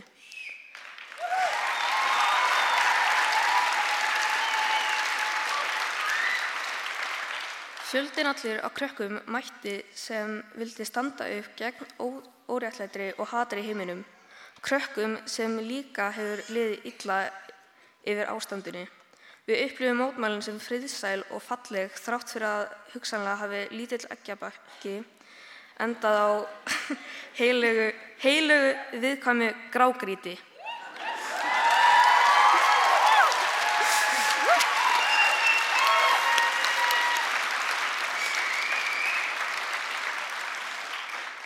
Það var því frekar sást að heyra lauruglustjóra tala um að mótmælinn hefði ekki farið vel fram.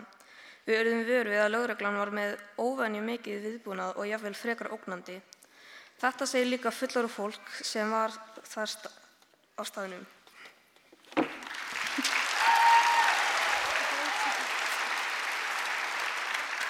Eftir að mótmælarum var formlega lokið voru tvö börn handtekinn. Að okkar vitund fyrir að vilja ekki afhenda lögreglu súrmjólkurfernu. Heimsmarkmið Saminuðu þjóðana um sjálfbara þróun voru samþygt af fulltrúum allra aðeldaríkja í september árið 2015. Markmiðin sem gilda á tímabilinu 2016 til 2030. Markmiðin eru engin fátækt, ekkert hungur, heilsa og veljiðan, mentun fyrir öll, jafnrétti kynjana, hreint vatn og hreinlætis aðstafa, sjálfbær orka, góð atvinna og hagvöxtur, nýsköpun og uppbygging, aukin jöfnuður, sjálfbærar borgir og samfélög, ábyrg neysla og framslega, aðgerðir í loftlagsmálum, líf í vatni, líf á landi, friður og réttlæti, samvinna um markminn. Hvernig á að vera hægt að stand við þessi, standa við þessi markmið á meðan heimili, skólar og spítalar eru sprengtir? Það er nánlegast ómögulegt að komast í hreint vatn í Palestínu og erfitt að finna mat. UNICEF hefur álitað Gaza hættulegasta stað á jörðinni fyrir börn. Það er óbóðlegt og um daginn mótmæltum við. Er verið að reyna að hræða okkur frá því að standa upp og mótmæla þegar brotið er á grunnréttindum? Er verið að reyna að hræða okkur frá því að taka afstöðu og standa með því sem að við vitum að er rétt? Að standa...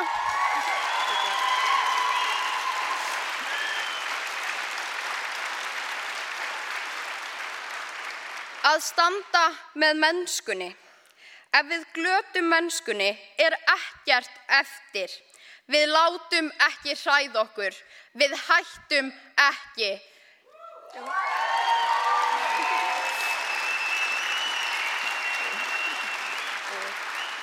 Lifi frjáls Palestína!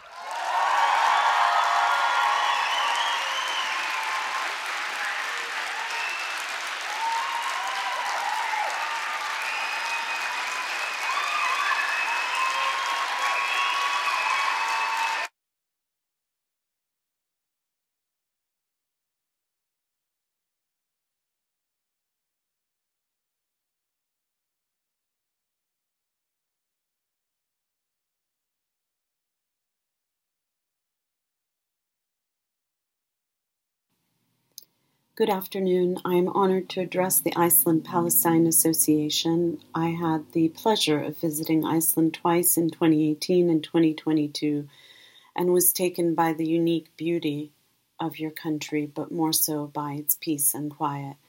That peace and quiet is something that we Palestinians have long dreamed of and sought in our own country, but we have sadly been denied it, forced to live in a state of constant conflict. Ending this injustice so that the Palestinian people can realize their rights and live in peace is something I have worked for my entire adult life. I've served Palestine for nearly 32 years, mainly at the United Nations, deeply convinced in international law as the path for attaining the rights of my people and a just solution to the grave injustice they have endured for over a hundred years. But our commitment across all these years to a diplomatic, legal, non-violent path has regrettably neither led us to justice nor to peace. Instead, we have witnessed a constant deterioration of the situation as Israel has persisted in its pervasive repression and dehumanization of the Palestinian people under its occupation, every year intensifying its illegal behavior in the absence of any form of accountability as the international community continues failing its responsibilities in the face of these crimes, and as some are even enabling and abetting these crimes. But I never imagined that the world would remain silent in the face of the atrocities Israel is now perpetrating against the Palestinian people in Gaza. We have all watched this horror unfold on the screens of our phones and televisions. Palestinian children, women, and men slaughtered by the thousands, mass graves depriving them of dignity even in death, mass detentions of men and boys, executions and disappearances, massive forced displacement and threats of further ethnic cleansing and destruction of civilian infrastructure at a scope and scale unprecedented since World War II, destroying the fabric of an entire society. We are collectively witnessing a genocide, and this brings with it a lot of anguish, but also responsibility. The understanding that this is a genocide is not solely a Palestinian perspective or opinion. It has been deemed as such by 800 scholars on genocide, many of them Jewish and experts not only in international law but also in Holocaust studies. And it is the reason that South Africa has brought a case against Israel to the International Court of Justice, the ICJ, under the Genocide Convention, and the reason that the court has affirmed the plausibility of a genocide and indicated a provisional measures order to Israel to cease and prevent all acts of genocide in Gaza and end incitement to and complicity in genocide. The source of all these ills is undeniably the Israeli occupation, a military occupation which, under international law, is required to be a temporary situation, but which, in the case of Palestine, has now lasted for more than 56 years, over half century, with no end in sight. The occupation is in itself violence, a constant act of aggression, systematic violation of human rights and all rules of international law. It is the umbrella for the countless means of repression by which Israel has subjugated the Palestinian people under its control for decades. The occupation is the means by which Israel has continued to deny the Palestinian people's right to self determination, a universal right, the birthright of all peoples, the basis for all human rights, which cannot be realized in the absence of freedom. It is the means by which Israel has continually dispossessed, displaced, and ethnically cleansed the Palestinian people, a never ending Nakba for over 75 years since 1948.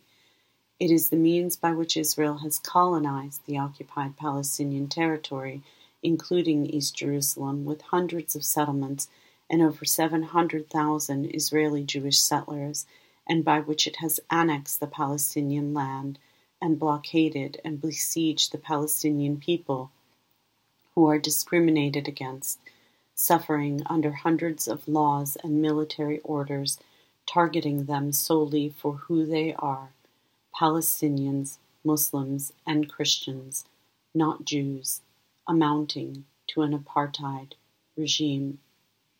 Only by understanding what life under occupation actually entails can the depth of this injustice truly be understood in all its dimensions, with its impact on every aspect of life, violation of every human right. It was disappointing that Iceland did not support the call by 120 other countries for a humanitarian truce in October when it was already very clear that Israel was waging a war of annihilation against the Palestinian people, as evident in repeated statements of incitement to kill and destroy by Israeli government and military officials. 500 such statements were documented in South Africa's case against Israel at the ICJ. We are grateful, however, that Iceland joined the overwhelming majority of the international community 153 nations by the 12th of December when the UN General Assembly demanded an immediate humanitarian ceasefire. But our people continue to wait for that ceasefire. Their lives remain in imminent danger. Every day, hundreds are killed and wounded by the Israeli war machine, and their humanitarian needs grow by the day as this humanitarian catastrophe continues to deepen their survival dependent on aid from the international community. That is why we are also very disappointed by the decision of Iceland to suspend UNRWA funding at a moment of such enormous crisis as a punitive reaction for the alleged acts of a few staff members. This injustice must end. The Palestinian people want to live in peace. They seek only their freedom and their rights to live a normal life in their country, in peace and in security. So, what is needed now? Accountability.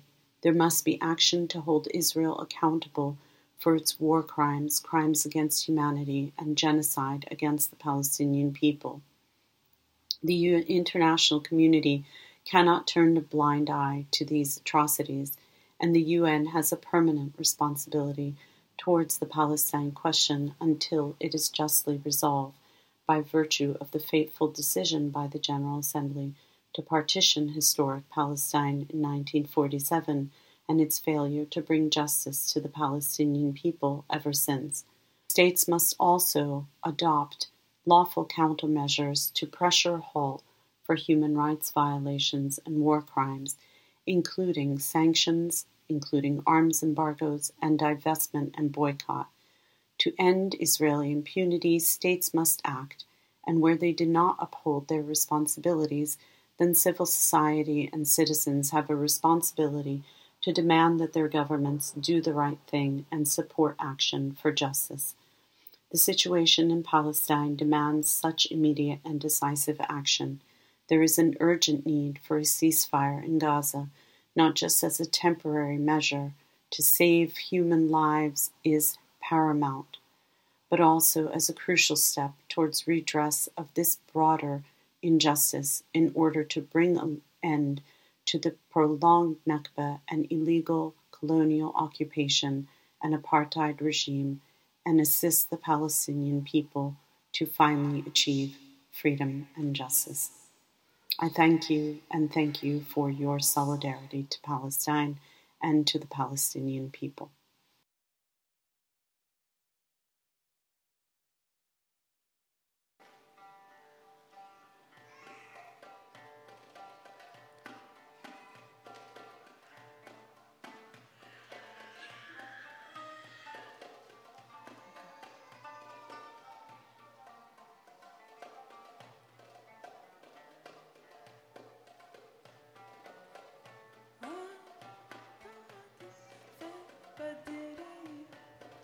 وديك بيدن كوكو كوكو في الفجرية يلا بينا على باب الله.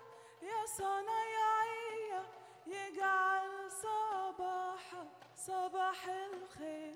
يستعطية الحلوة دي قامت تعجن في البدرية.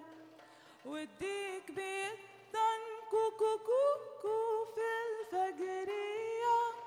يلا بينا لباب يا صنايعية يجعل صباحك صباح الخير يا استعطية صباح الصباح فتح يا عليم والجيب ما فيه شي ولا مليم.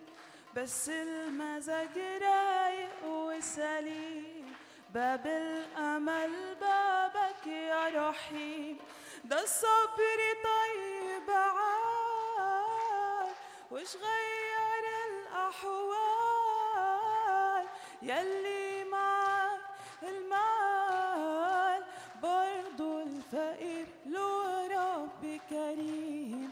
برضو الفقير له رب كريم. الحلوة دي قامت في البدرية وديك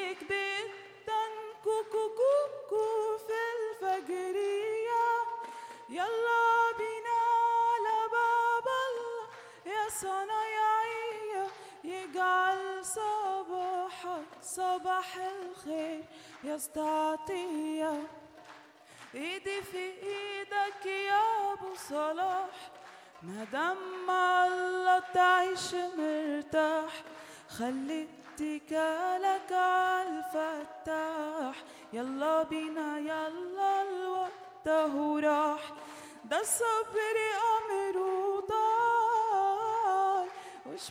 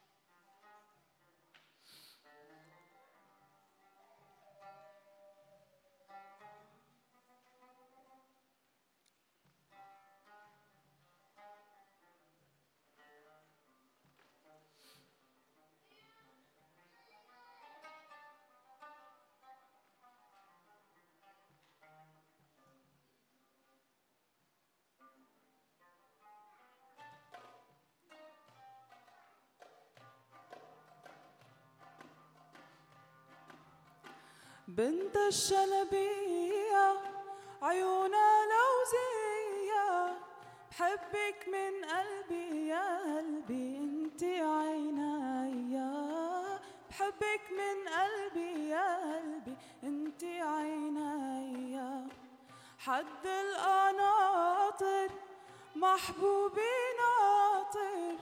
كسر الخواطر يا ولفي ما هان عليا. كسر الخواطر يا ولفي ما هان عليا بتطل بتلوح والقلب مجروح أيام عالبال بتعن وتروح. أيام عالبال بتعن وتروح. تحت الرماني حبي حكاني وسمعني غناني يا عيوني وتغزل فيا. سمعني غناني يا عيوني وتغزل فيا.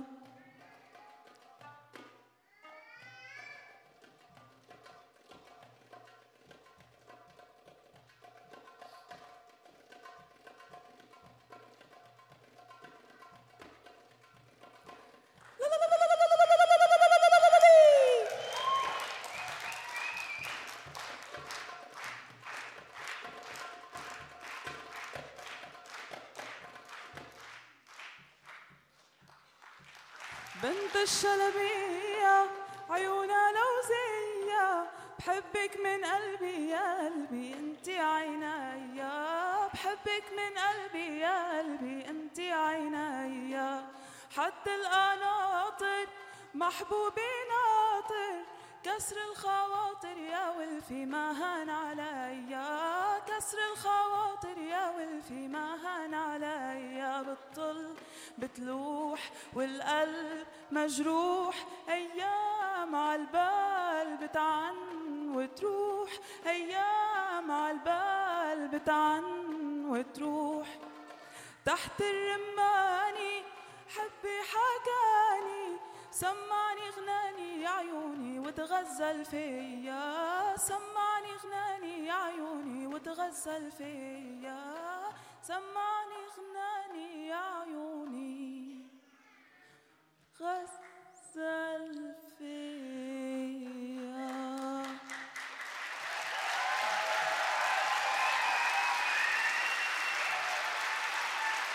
Thank you. Takk fyrir.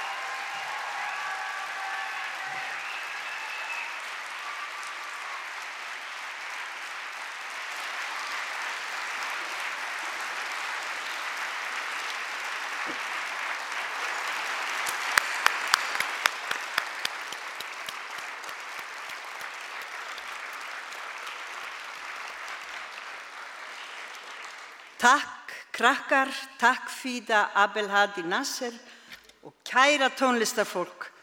Hjartans takkir fyrir þessa fallegu tónlist. Það var Ríma Nasser sem söng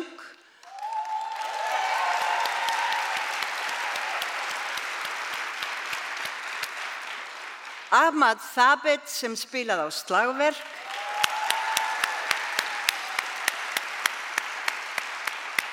og Tabit Lakhdar sem spilaði á út.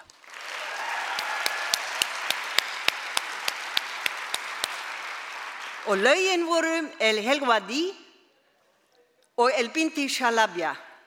En þau voru flutt á nýlegum tónleikum í salnum til heiðurs tónlist líbönsku söngkonunar Farouz.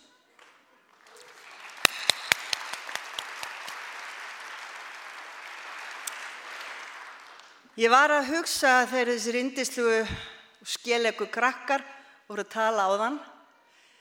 Hvað var ég að gera á þeirra aldri? Hugsa um hvað ég ætti að fara í í skólan í dag. Eða hvort að strákurinn sem ég var skotin í myndi nú kannski brosa til mín. Ég var allavega ekki að mynda mér skoðanir mikið. Það var ekki fyrir mörgum árum setna sem maður fór að átta sig á því að það er það sem maður verður að gera í þessum heimi. Það er að mynda sig að skoðanir og tala og segja frá þegar manni finnst réttlætið fótum tróðið. Og ég ætla ekki að segja heimur vestnandi fer, ég segja heimur batnandi fer.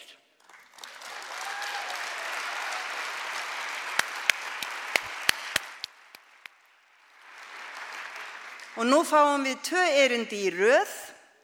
Næst upp á svið er Halla Gunnarsdóttir, stjórnar kona í Vaffer og fulltrúi í miðstjórn ASI.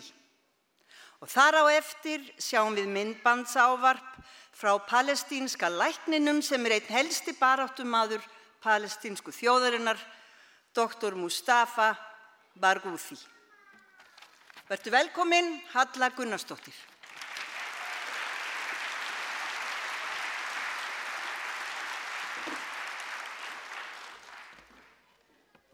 Góða funda fólk. Þjóðarmorð er vond. Um það geta allir verið sammála eða þanga til það er framið. Þá flækist málið. Þegar þjóðamorðið er framið, skiptir máli hver þjóðin er. Þá skipta hagsmunir og heimsvaldapólitík meira máli en þeir glæpir sem eru framdir. Verkalýsreifingin er í eðlisinu fríðarreifing.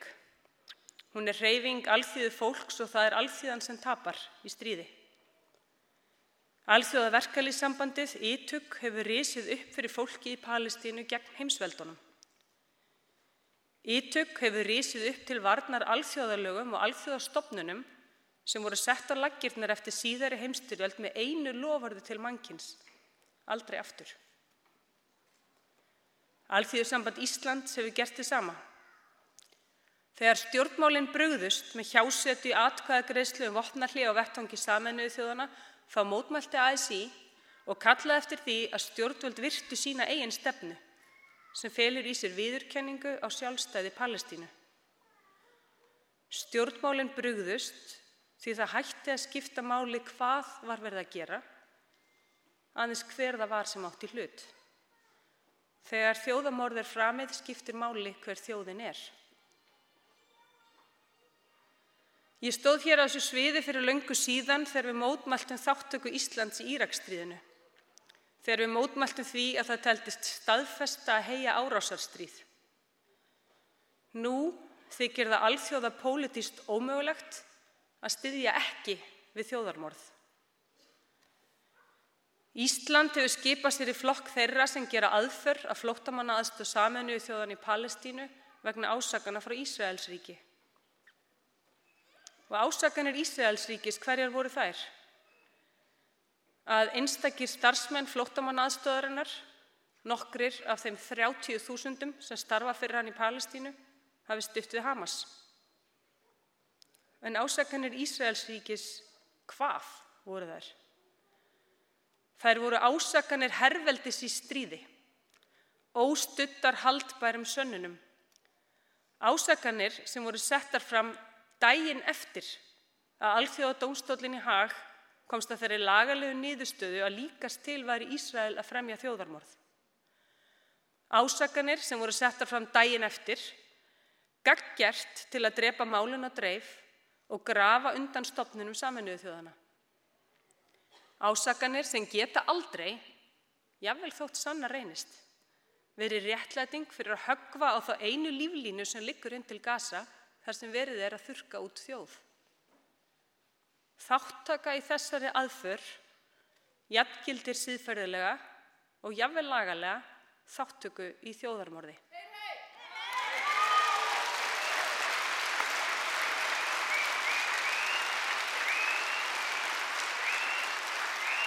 Ísland ásamt öðrum vestrannum ríkjum ber beina ábyrð á hryllingnum í Palestínu.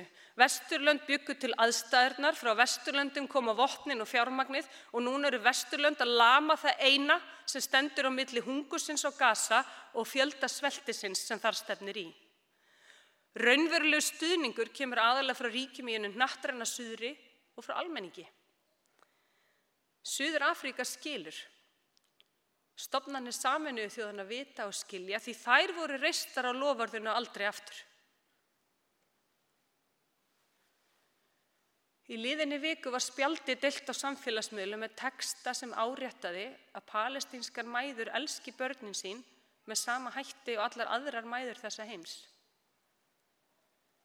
Palestinskir foreldrar elska börnin sín eins og við elskum börnin okkar. Hvers vegna þarf að segja það? Því þegar þjóðarmorð er framið skiptir máli hver þjóðin er. Aðeins er hægt að fremja þjóðarmorð með af mennskun. Ef við slökkum á samkendinni, látum telli okkur trúum að þau séu ekki eins og við. Palestínskir foreldrar elska börnin sín eins og við elskum börnin okkar. Þetta endur tökum við, þetta látum við endur óma. Við neytum að slökka á samkendinni, við neytum að láta svifta okkur sam mennskunni.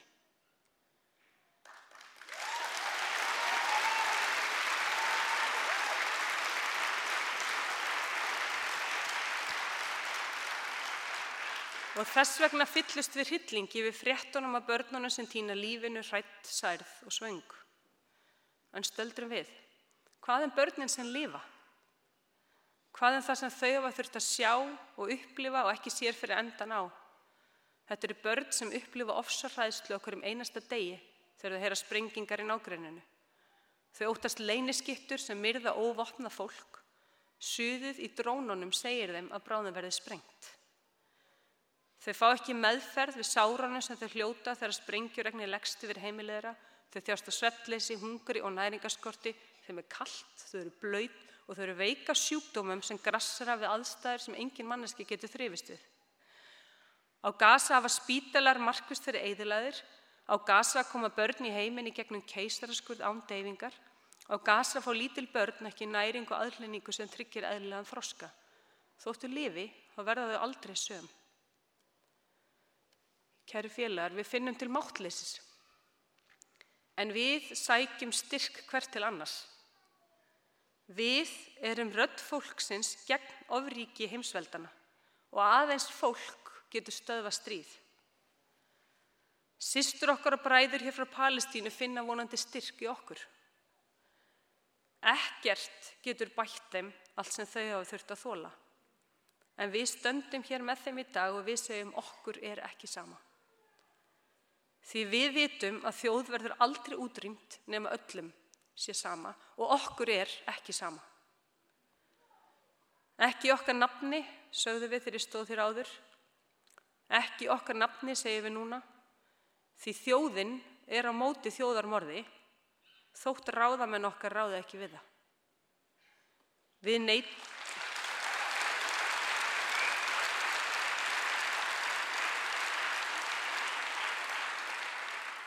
Við neytum að slökka á samkendinni, við neytum að láta svifta okkur sam mennskunni. Vopna hér strax frjáls Palestína.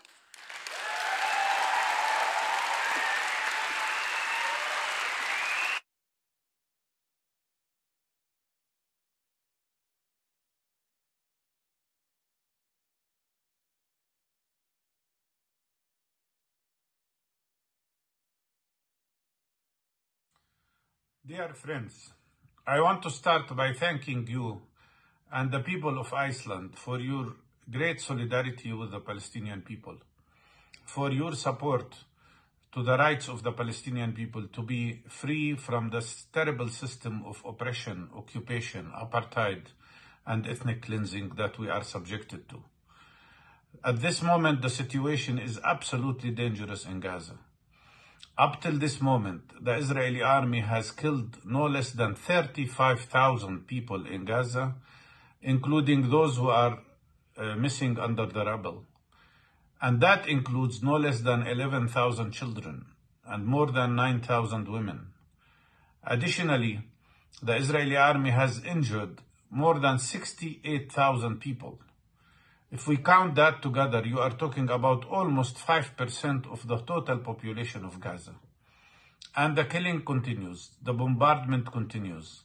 Every day we are losing between 120 and 200 people continuously.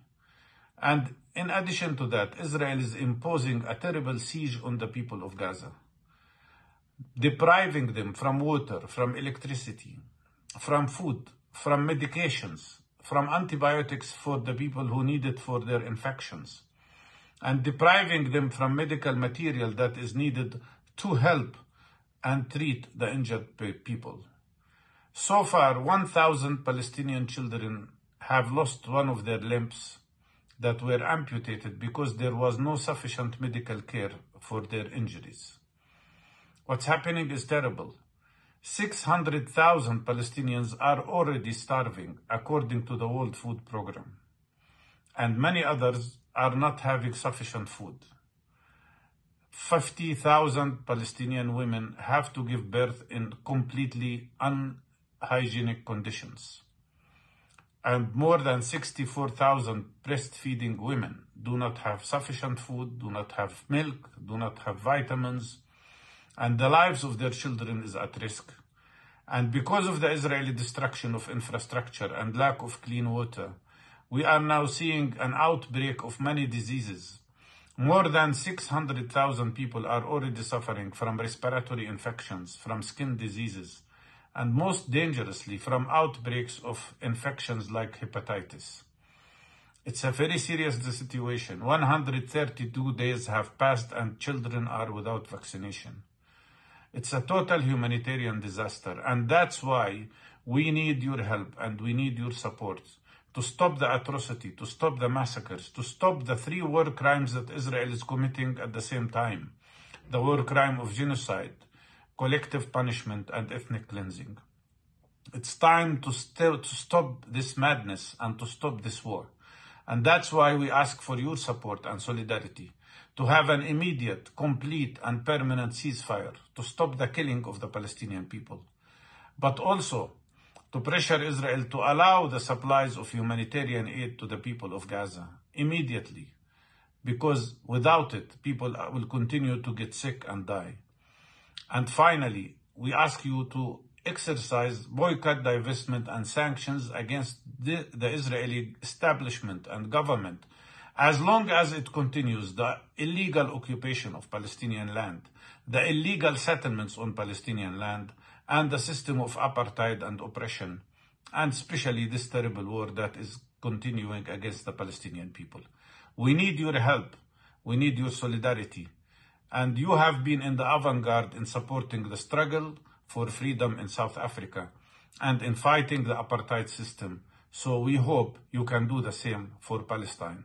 And please know that the Palestinian people knows and appreciate every effort you do to help us and to show solidarity with the people of Palestine in our struggle to achieve freedom and dignity. And we will never give up. We will never stop struggling for our freedom and we will overcome with your help and support.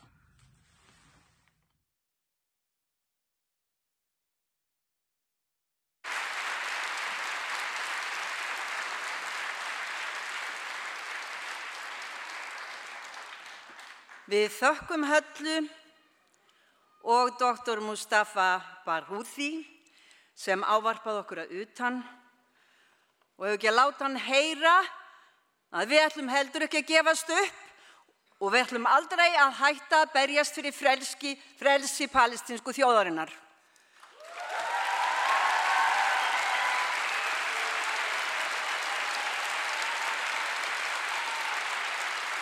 Vopna hlið strax!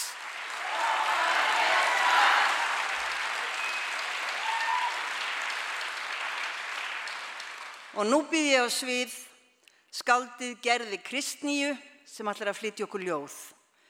Og eftir henni kemur svo Sveitur Rúnar Haugsson, læknir og stjórnarmadur félagsins Ísland-Palestína. Gjör þið svo vel.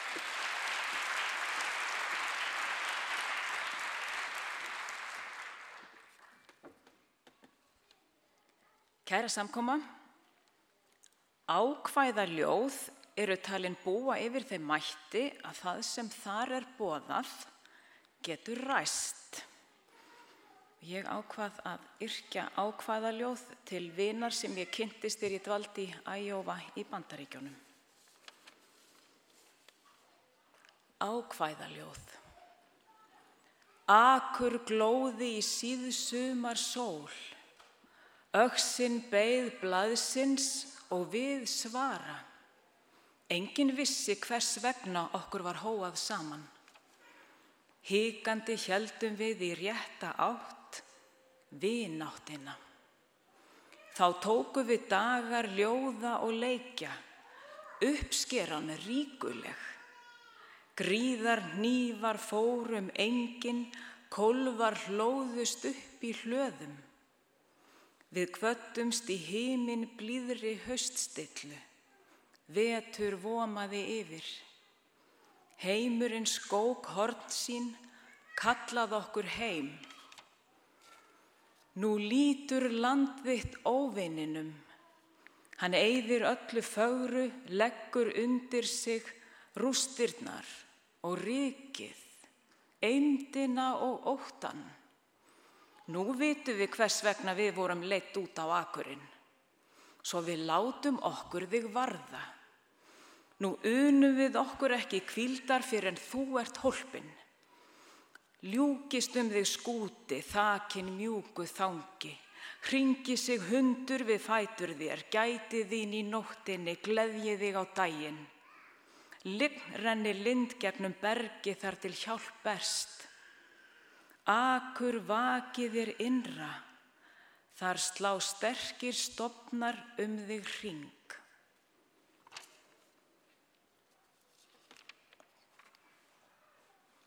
Síðara ljóðum mitt heitir Stríðsbörn.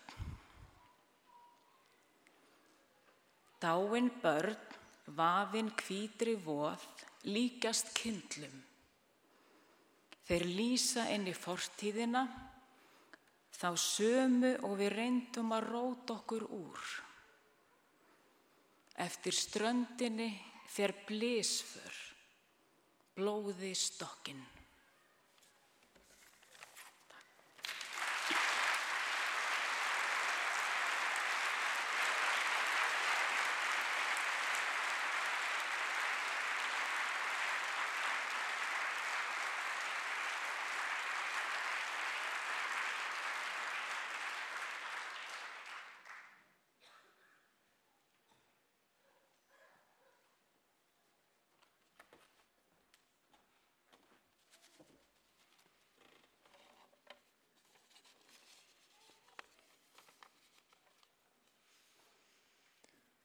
Ágæta fundarfólk, kæru félagar.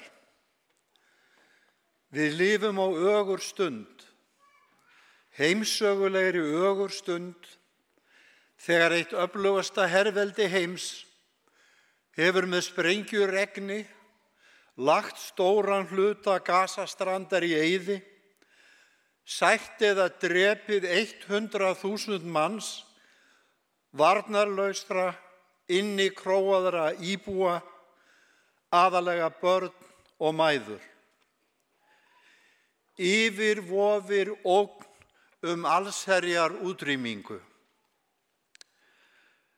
Með framferði sín og herrteknusvæðunum er herrnámsveldið að grafa sér gröf. Þeir stríðsklæpir sem veröldin horfir upp á dag hvern á gasa og vesturbakkanum munu ekki gleymast. Félagið Ísland-Palestína hefur í um aldarfjórðung stutt hjálparstarf á herrteknusvæðunum, bæða á vesturbakkanum og síðari árin meir á gasa. Þá hefur fjöldi sjálfbóðaliða farið á vettvang til að styðja palestinumenn með nærveru sinni og við ólífutýnslu. Félagið hefur stutt starf geðhjálparsamtakana sem vinna með börnum, foröldurum og kennurum vegna þeirra hræðilegu áfalla sem hvert einasta barn sem lifir af þarf að upplifa þessa mánuðina, sum í annað, þriðja eða jafnveg fymta sinn. Afleiðingarnar munu vara ævilánt. Fyrstu samtökin sem félagið stutti voru palestínsku læknishjálparnemndirnar, Medical Relief, sjálfbóðasamtök heilbriðistarfsfólks undir fórustu dr. Mustafa Barghouti sem við vorum einmitt að hlusta á hverju frá. Utanrengisraðuneyti tók síðar Medical Relief upp á sína arma eftir álíktun alþingis sem Palestínu farar úr ólíkum flokkum fengu samþykta. Heilsu gæslu stöð á hjólum hefur verið kostuð hérðan. Stóru verkefnin undanfarin ár hafa verið gerfi fætur til gasa. Verkefni sem Bjarni Össurásson læknir átti frungfæða að og fadir hans Össur Kristinsson hrindi í framkvæmt í samfunnu við félagið og ALPC gerfilimastöðuna á gasa í mæ 2009. Össur eftirrétt síðan félaginu að halda verkefninu áfram en veittu okkur diggan stuðning alla tíð. Össur fjall frá fyrir þessu mánuði og við minnumst hans með virðingu og miklu þakklæti. Hitt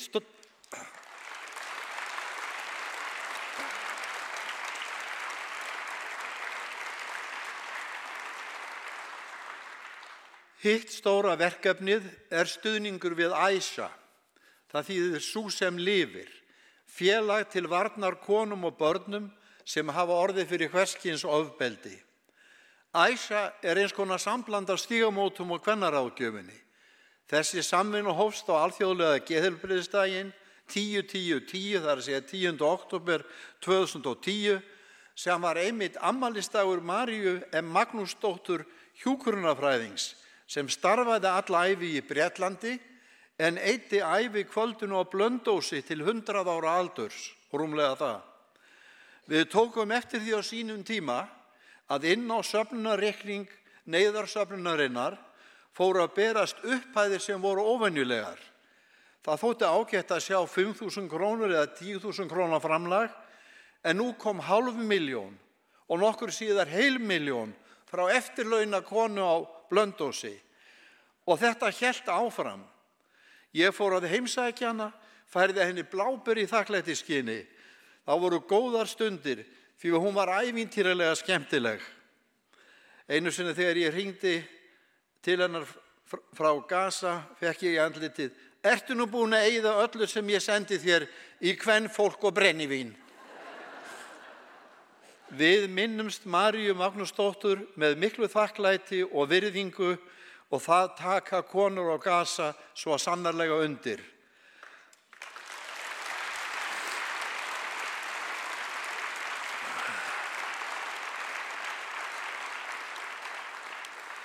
Framlög hafa einnig farið í að styrkja konur til efnagslegs sjálfstæðis sem seti á lagirna smáfyrirtæki. Þetta eru konur sem eru fyrirvinna sinnar fjölskyldu.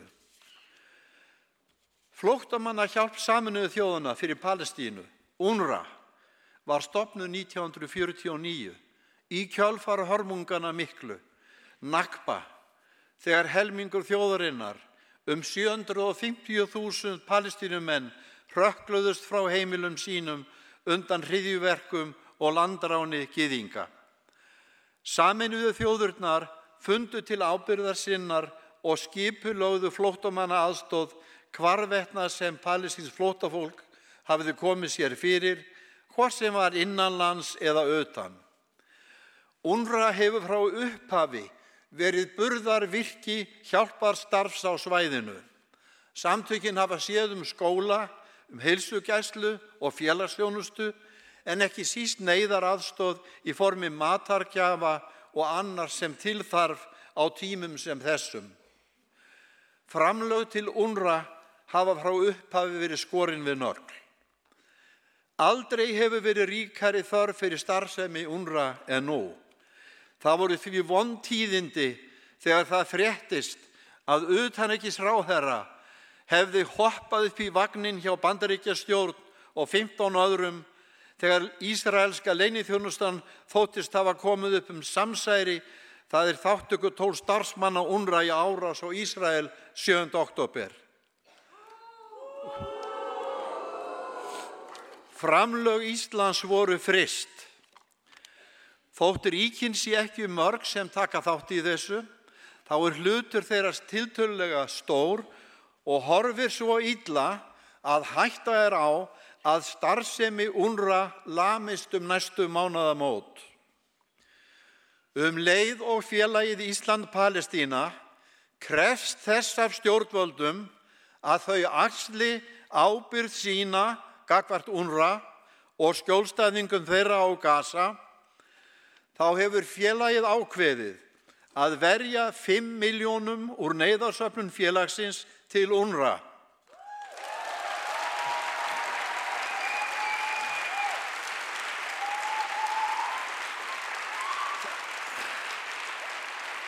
Þessar 5 miljónir eru nú þegar komnar til skila. Félagið skorar á önnur félagasamtök, fyrirtæki og einstaklinga að leggja af mörgum og gera sitt til að bjarga unra frá hruni.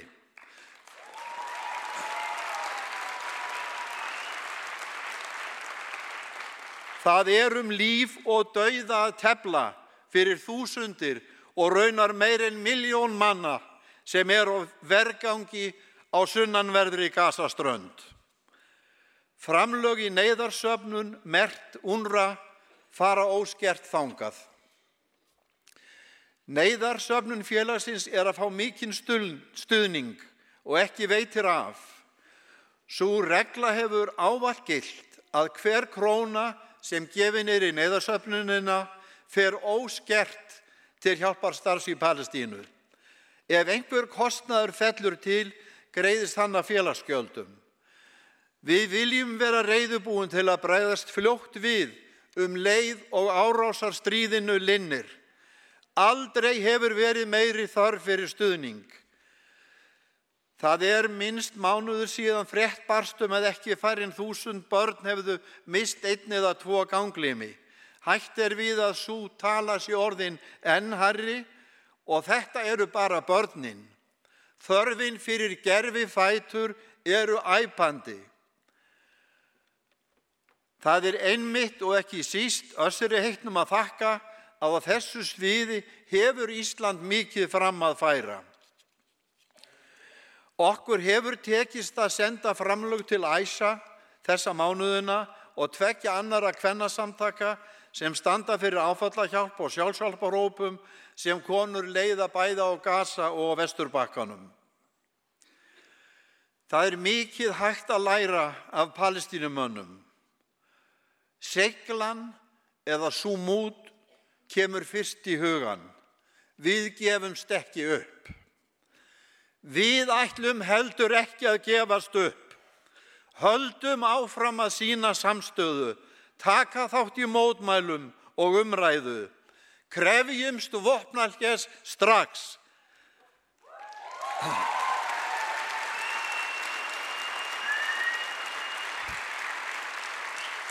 Þjóðarmorðinu verður að linna. Frjáls Palestína.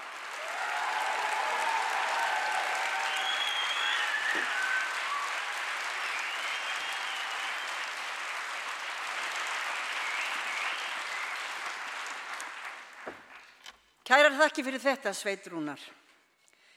Það eru því miður ekki margar fréttinnar sem vekja von og gleði í hjörtum okkar þessa dagana. En þó var það dæmi um einast líka þegar alþingi veiti Asil al-Masri, 17 ára stúlku frá Palestínu, ríkisborgararétt, núna rétt fyrir jólinn.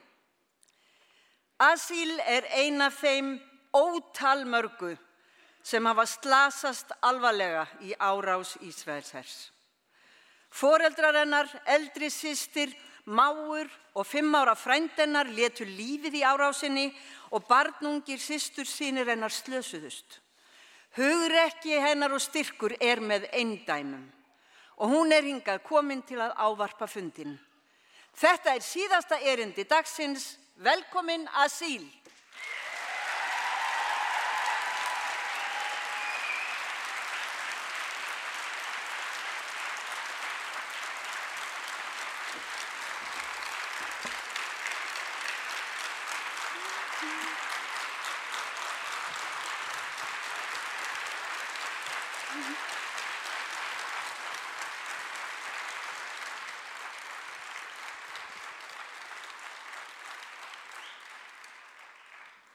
Hi everyone, nice to meet you. My name is Asil Al Masri, a 17 years old refugee from Khan Yunis, Gaza, Palestine, which is now destroyed and occupied by Israeli forces. Yes, I called myself a refugee even though I have Icelandic citizenship.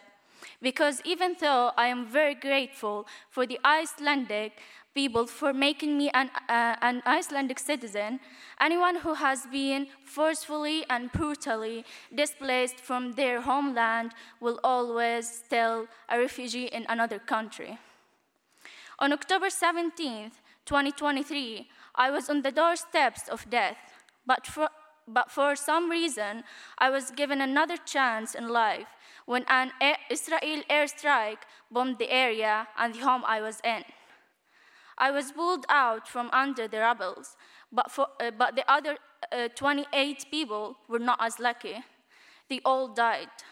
Through this airstrike, through this war, no, through this genocide, my mother, Andera, my father, Dr. Jihad, my older sister, Asma, and my four years old nephew, Amir, were among the 28 people killed in that Israel airstrike. Yes, they have names, they are not just numbers. I also lost my leg, my friends, my neighborhood, my, my house, many relatives, and I lost everything I once called home. I still remember the last conversation I had with my mother, father, and elder, and elder sister the night, be, the night before they were murdered. We were talking about what food we have left to eat for breakfast and if the internet connection will be back or not, so we can talk with, to my brothers to let them know we are still alive. We were planning to have bread, eggs, and tea for breakfast, by the way, but that never happened. Every time I have breakfast, I remember that night. Words cannot describe the pain. Every time I look at my missing leg, I remember how they had to cut it off because I was completely smashed by the rubble. Every time I look in the mirror, I remember that I survived, but they didn't. I was living a simple life in Gaza because Gaza has been under siege for many years. But to me, it was the most beautiful life because I was among my family, friends, neighbors, and community.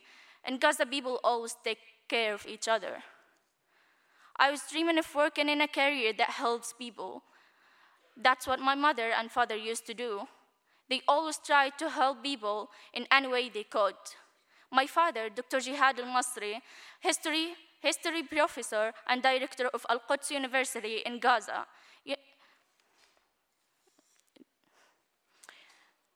university professor who did a lot of research in European universities, always told me that I could achieve all my anything I set my mind on if I worked hard, was an honest and kind person, and never gave up on my goal. He helped many students graduate and achieve their dreams when he was alive.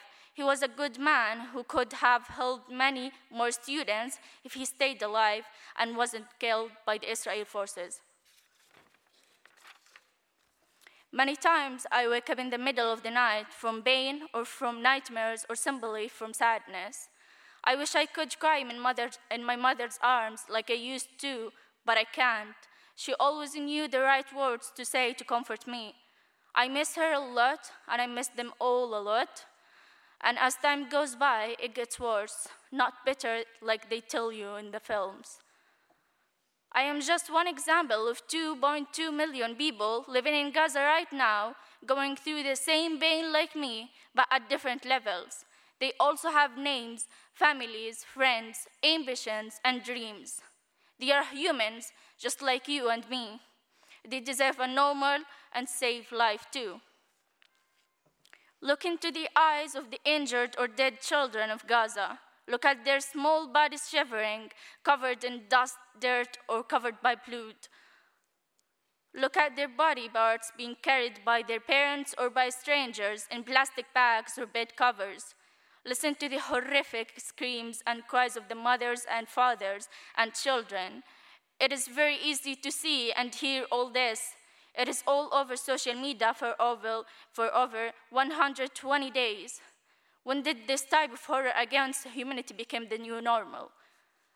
Are these images, videos, and sounds really that entertaining to everyone that no one is doing anything to help stop it? Let us be a voice for these children, these women, these mothers, these fathers, brothers, and sisters.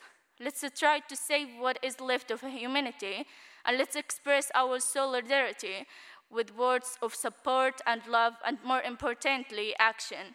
Let's shout as loud as possible Free, free Palestine! Free, free Palestine! Stop the genocide! Stop the genocide! Until this stops.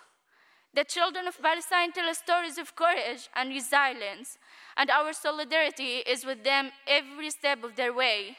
Every child in Palestine carries a painful story in their heart that we must hear.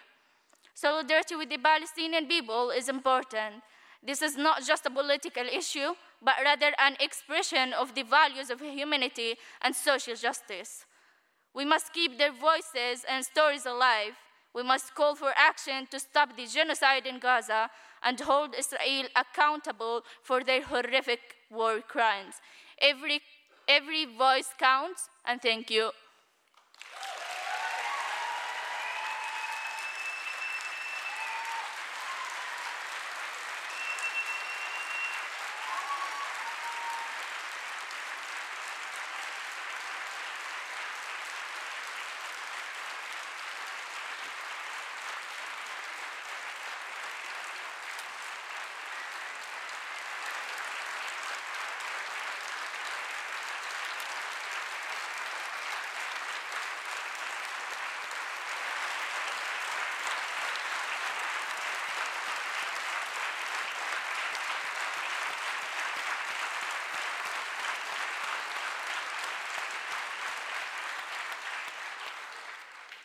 Takk kærlega, Asil. Þú ert hetja og berð fólkinu þínu fagurt vitni. Og nú, já, klappið fyrir því að þið bara viljið.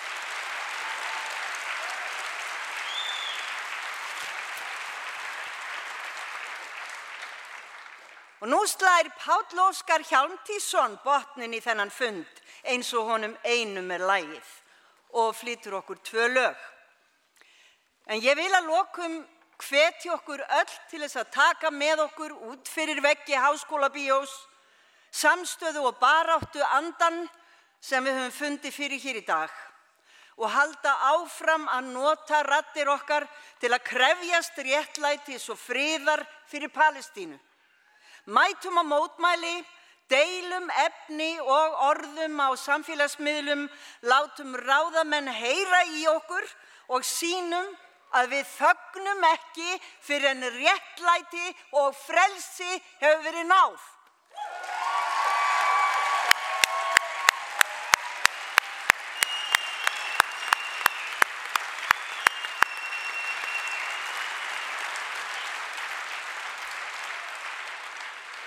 Og af því við erum alltaf að tala um rattir, þá langar mig að hveði ykkur með orðum skáldsins okkar góða Sigurðar heitins Pálssonar. Hvað sem hver segir byggir friður á réttlæti. Hvað sem hver segir er fegurðin ekki skraut, heldur kjarni lífsins. Já, gefðu mér rödd, gefðu mér spámannsrödd til að bera fegurðinni vittni. Gefðu mér rödd til að bera réttlætinu vittni. Páll Óskar!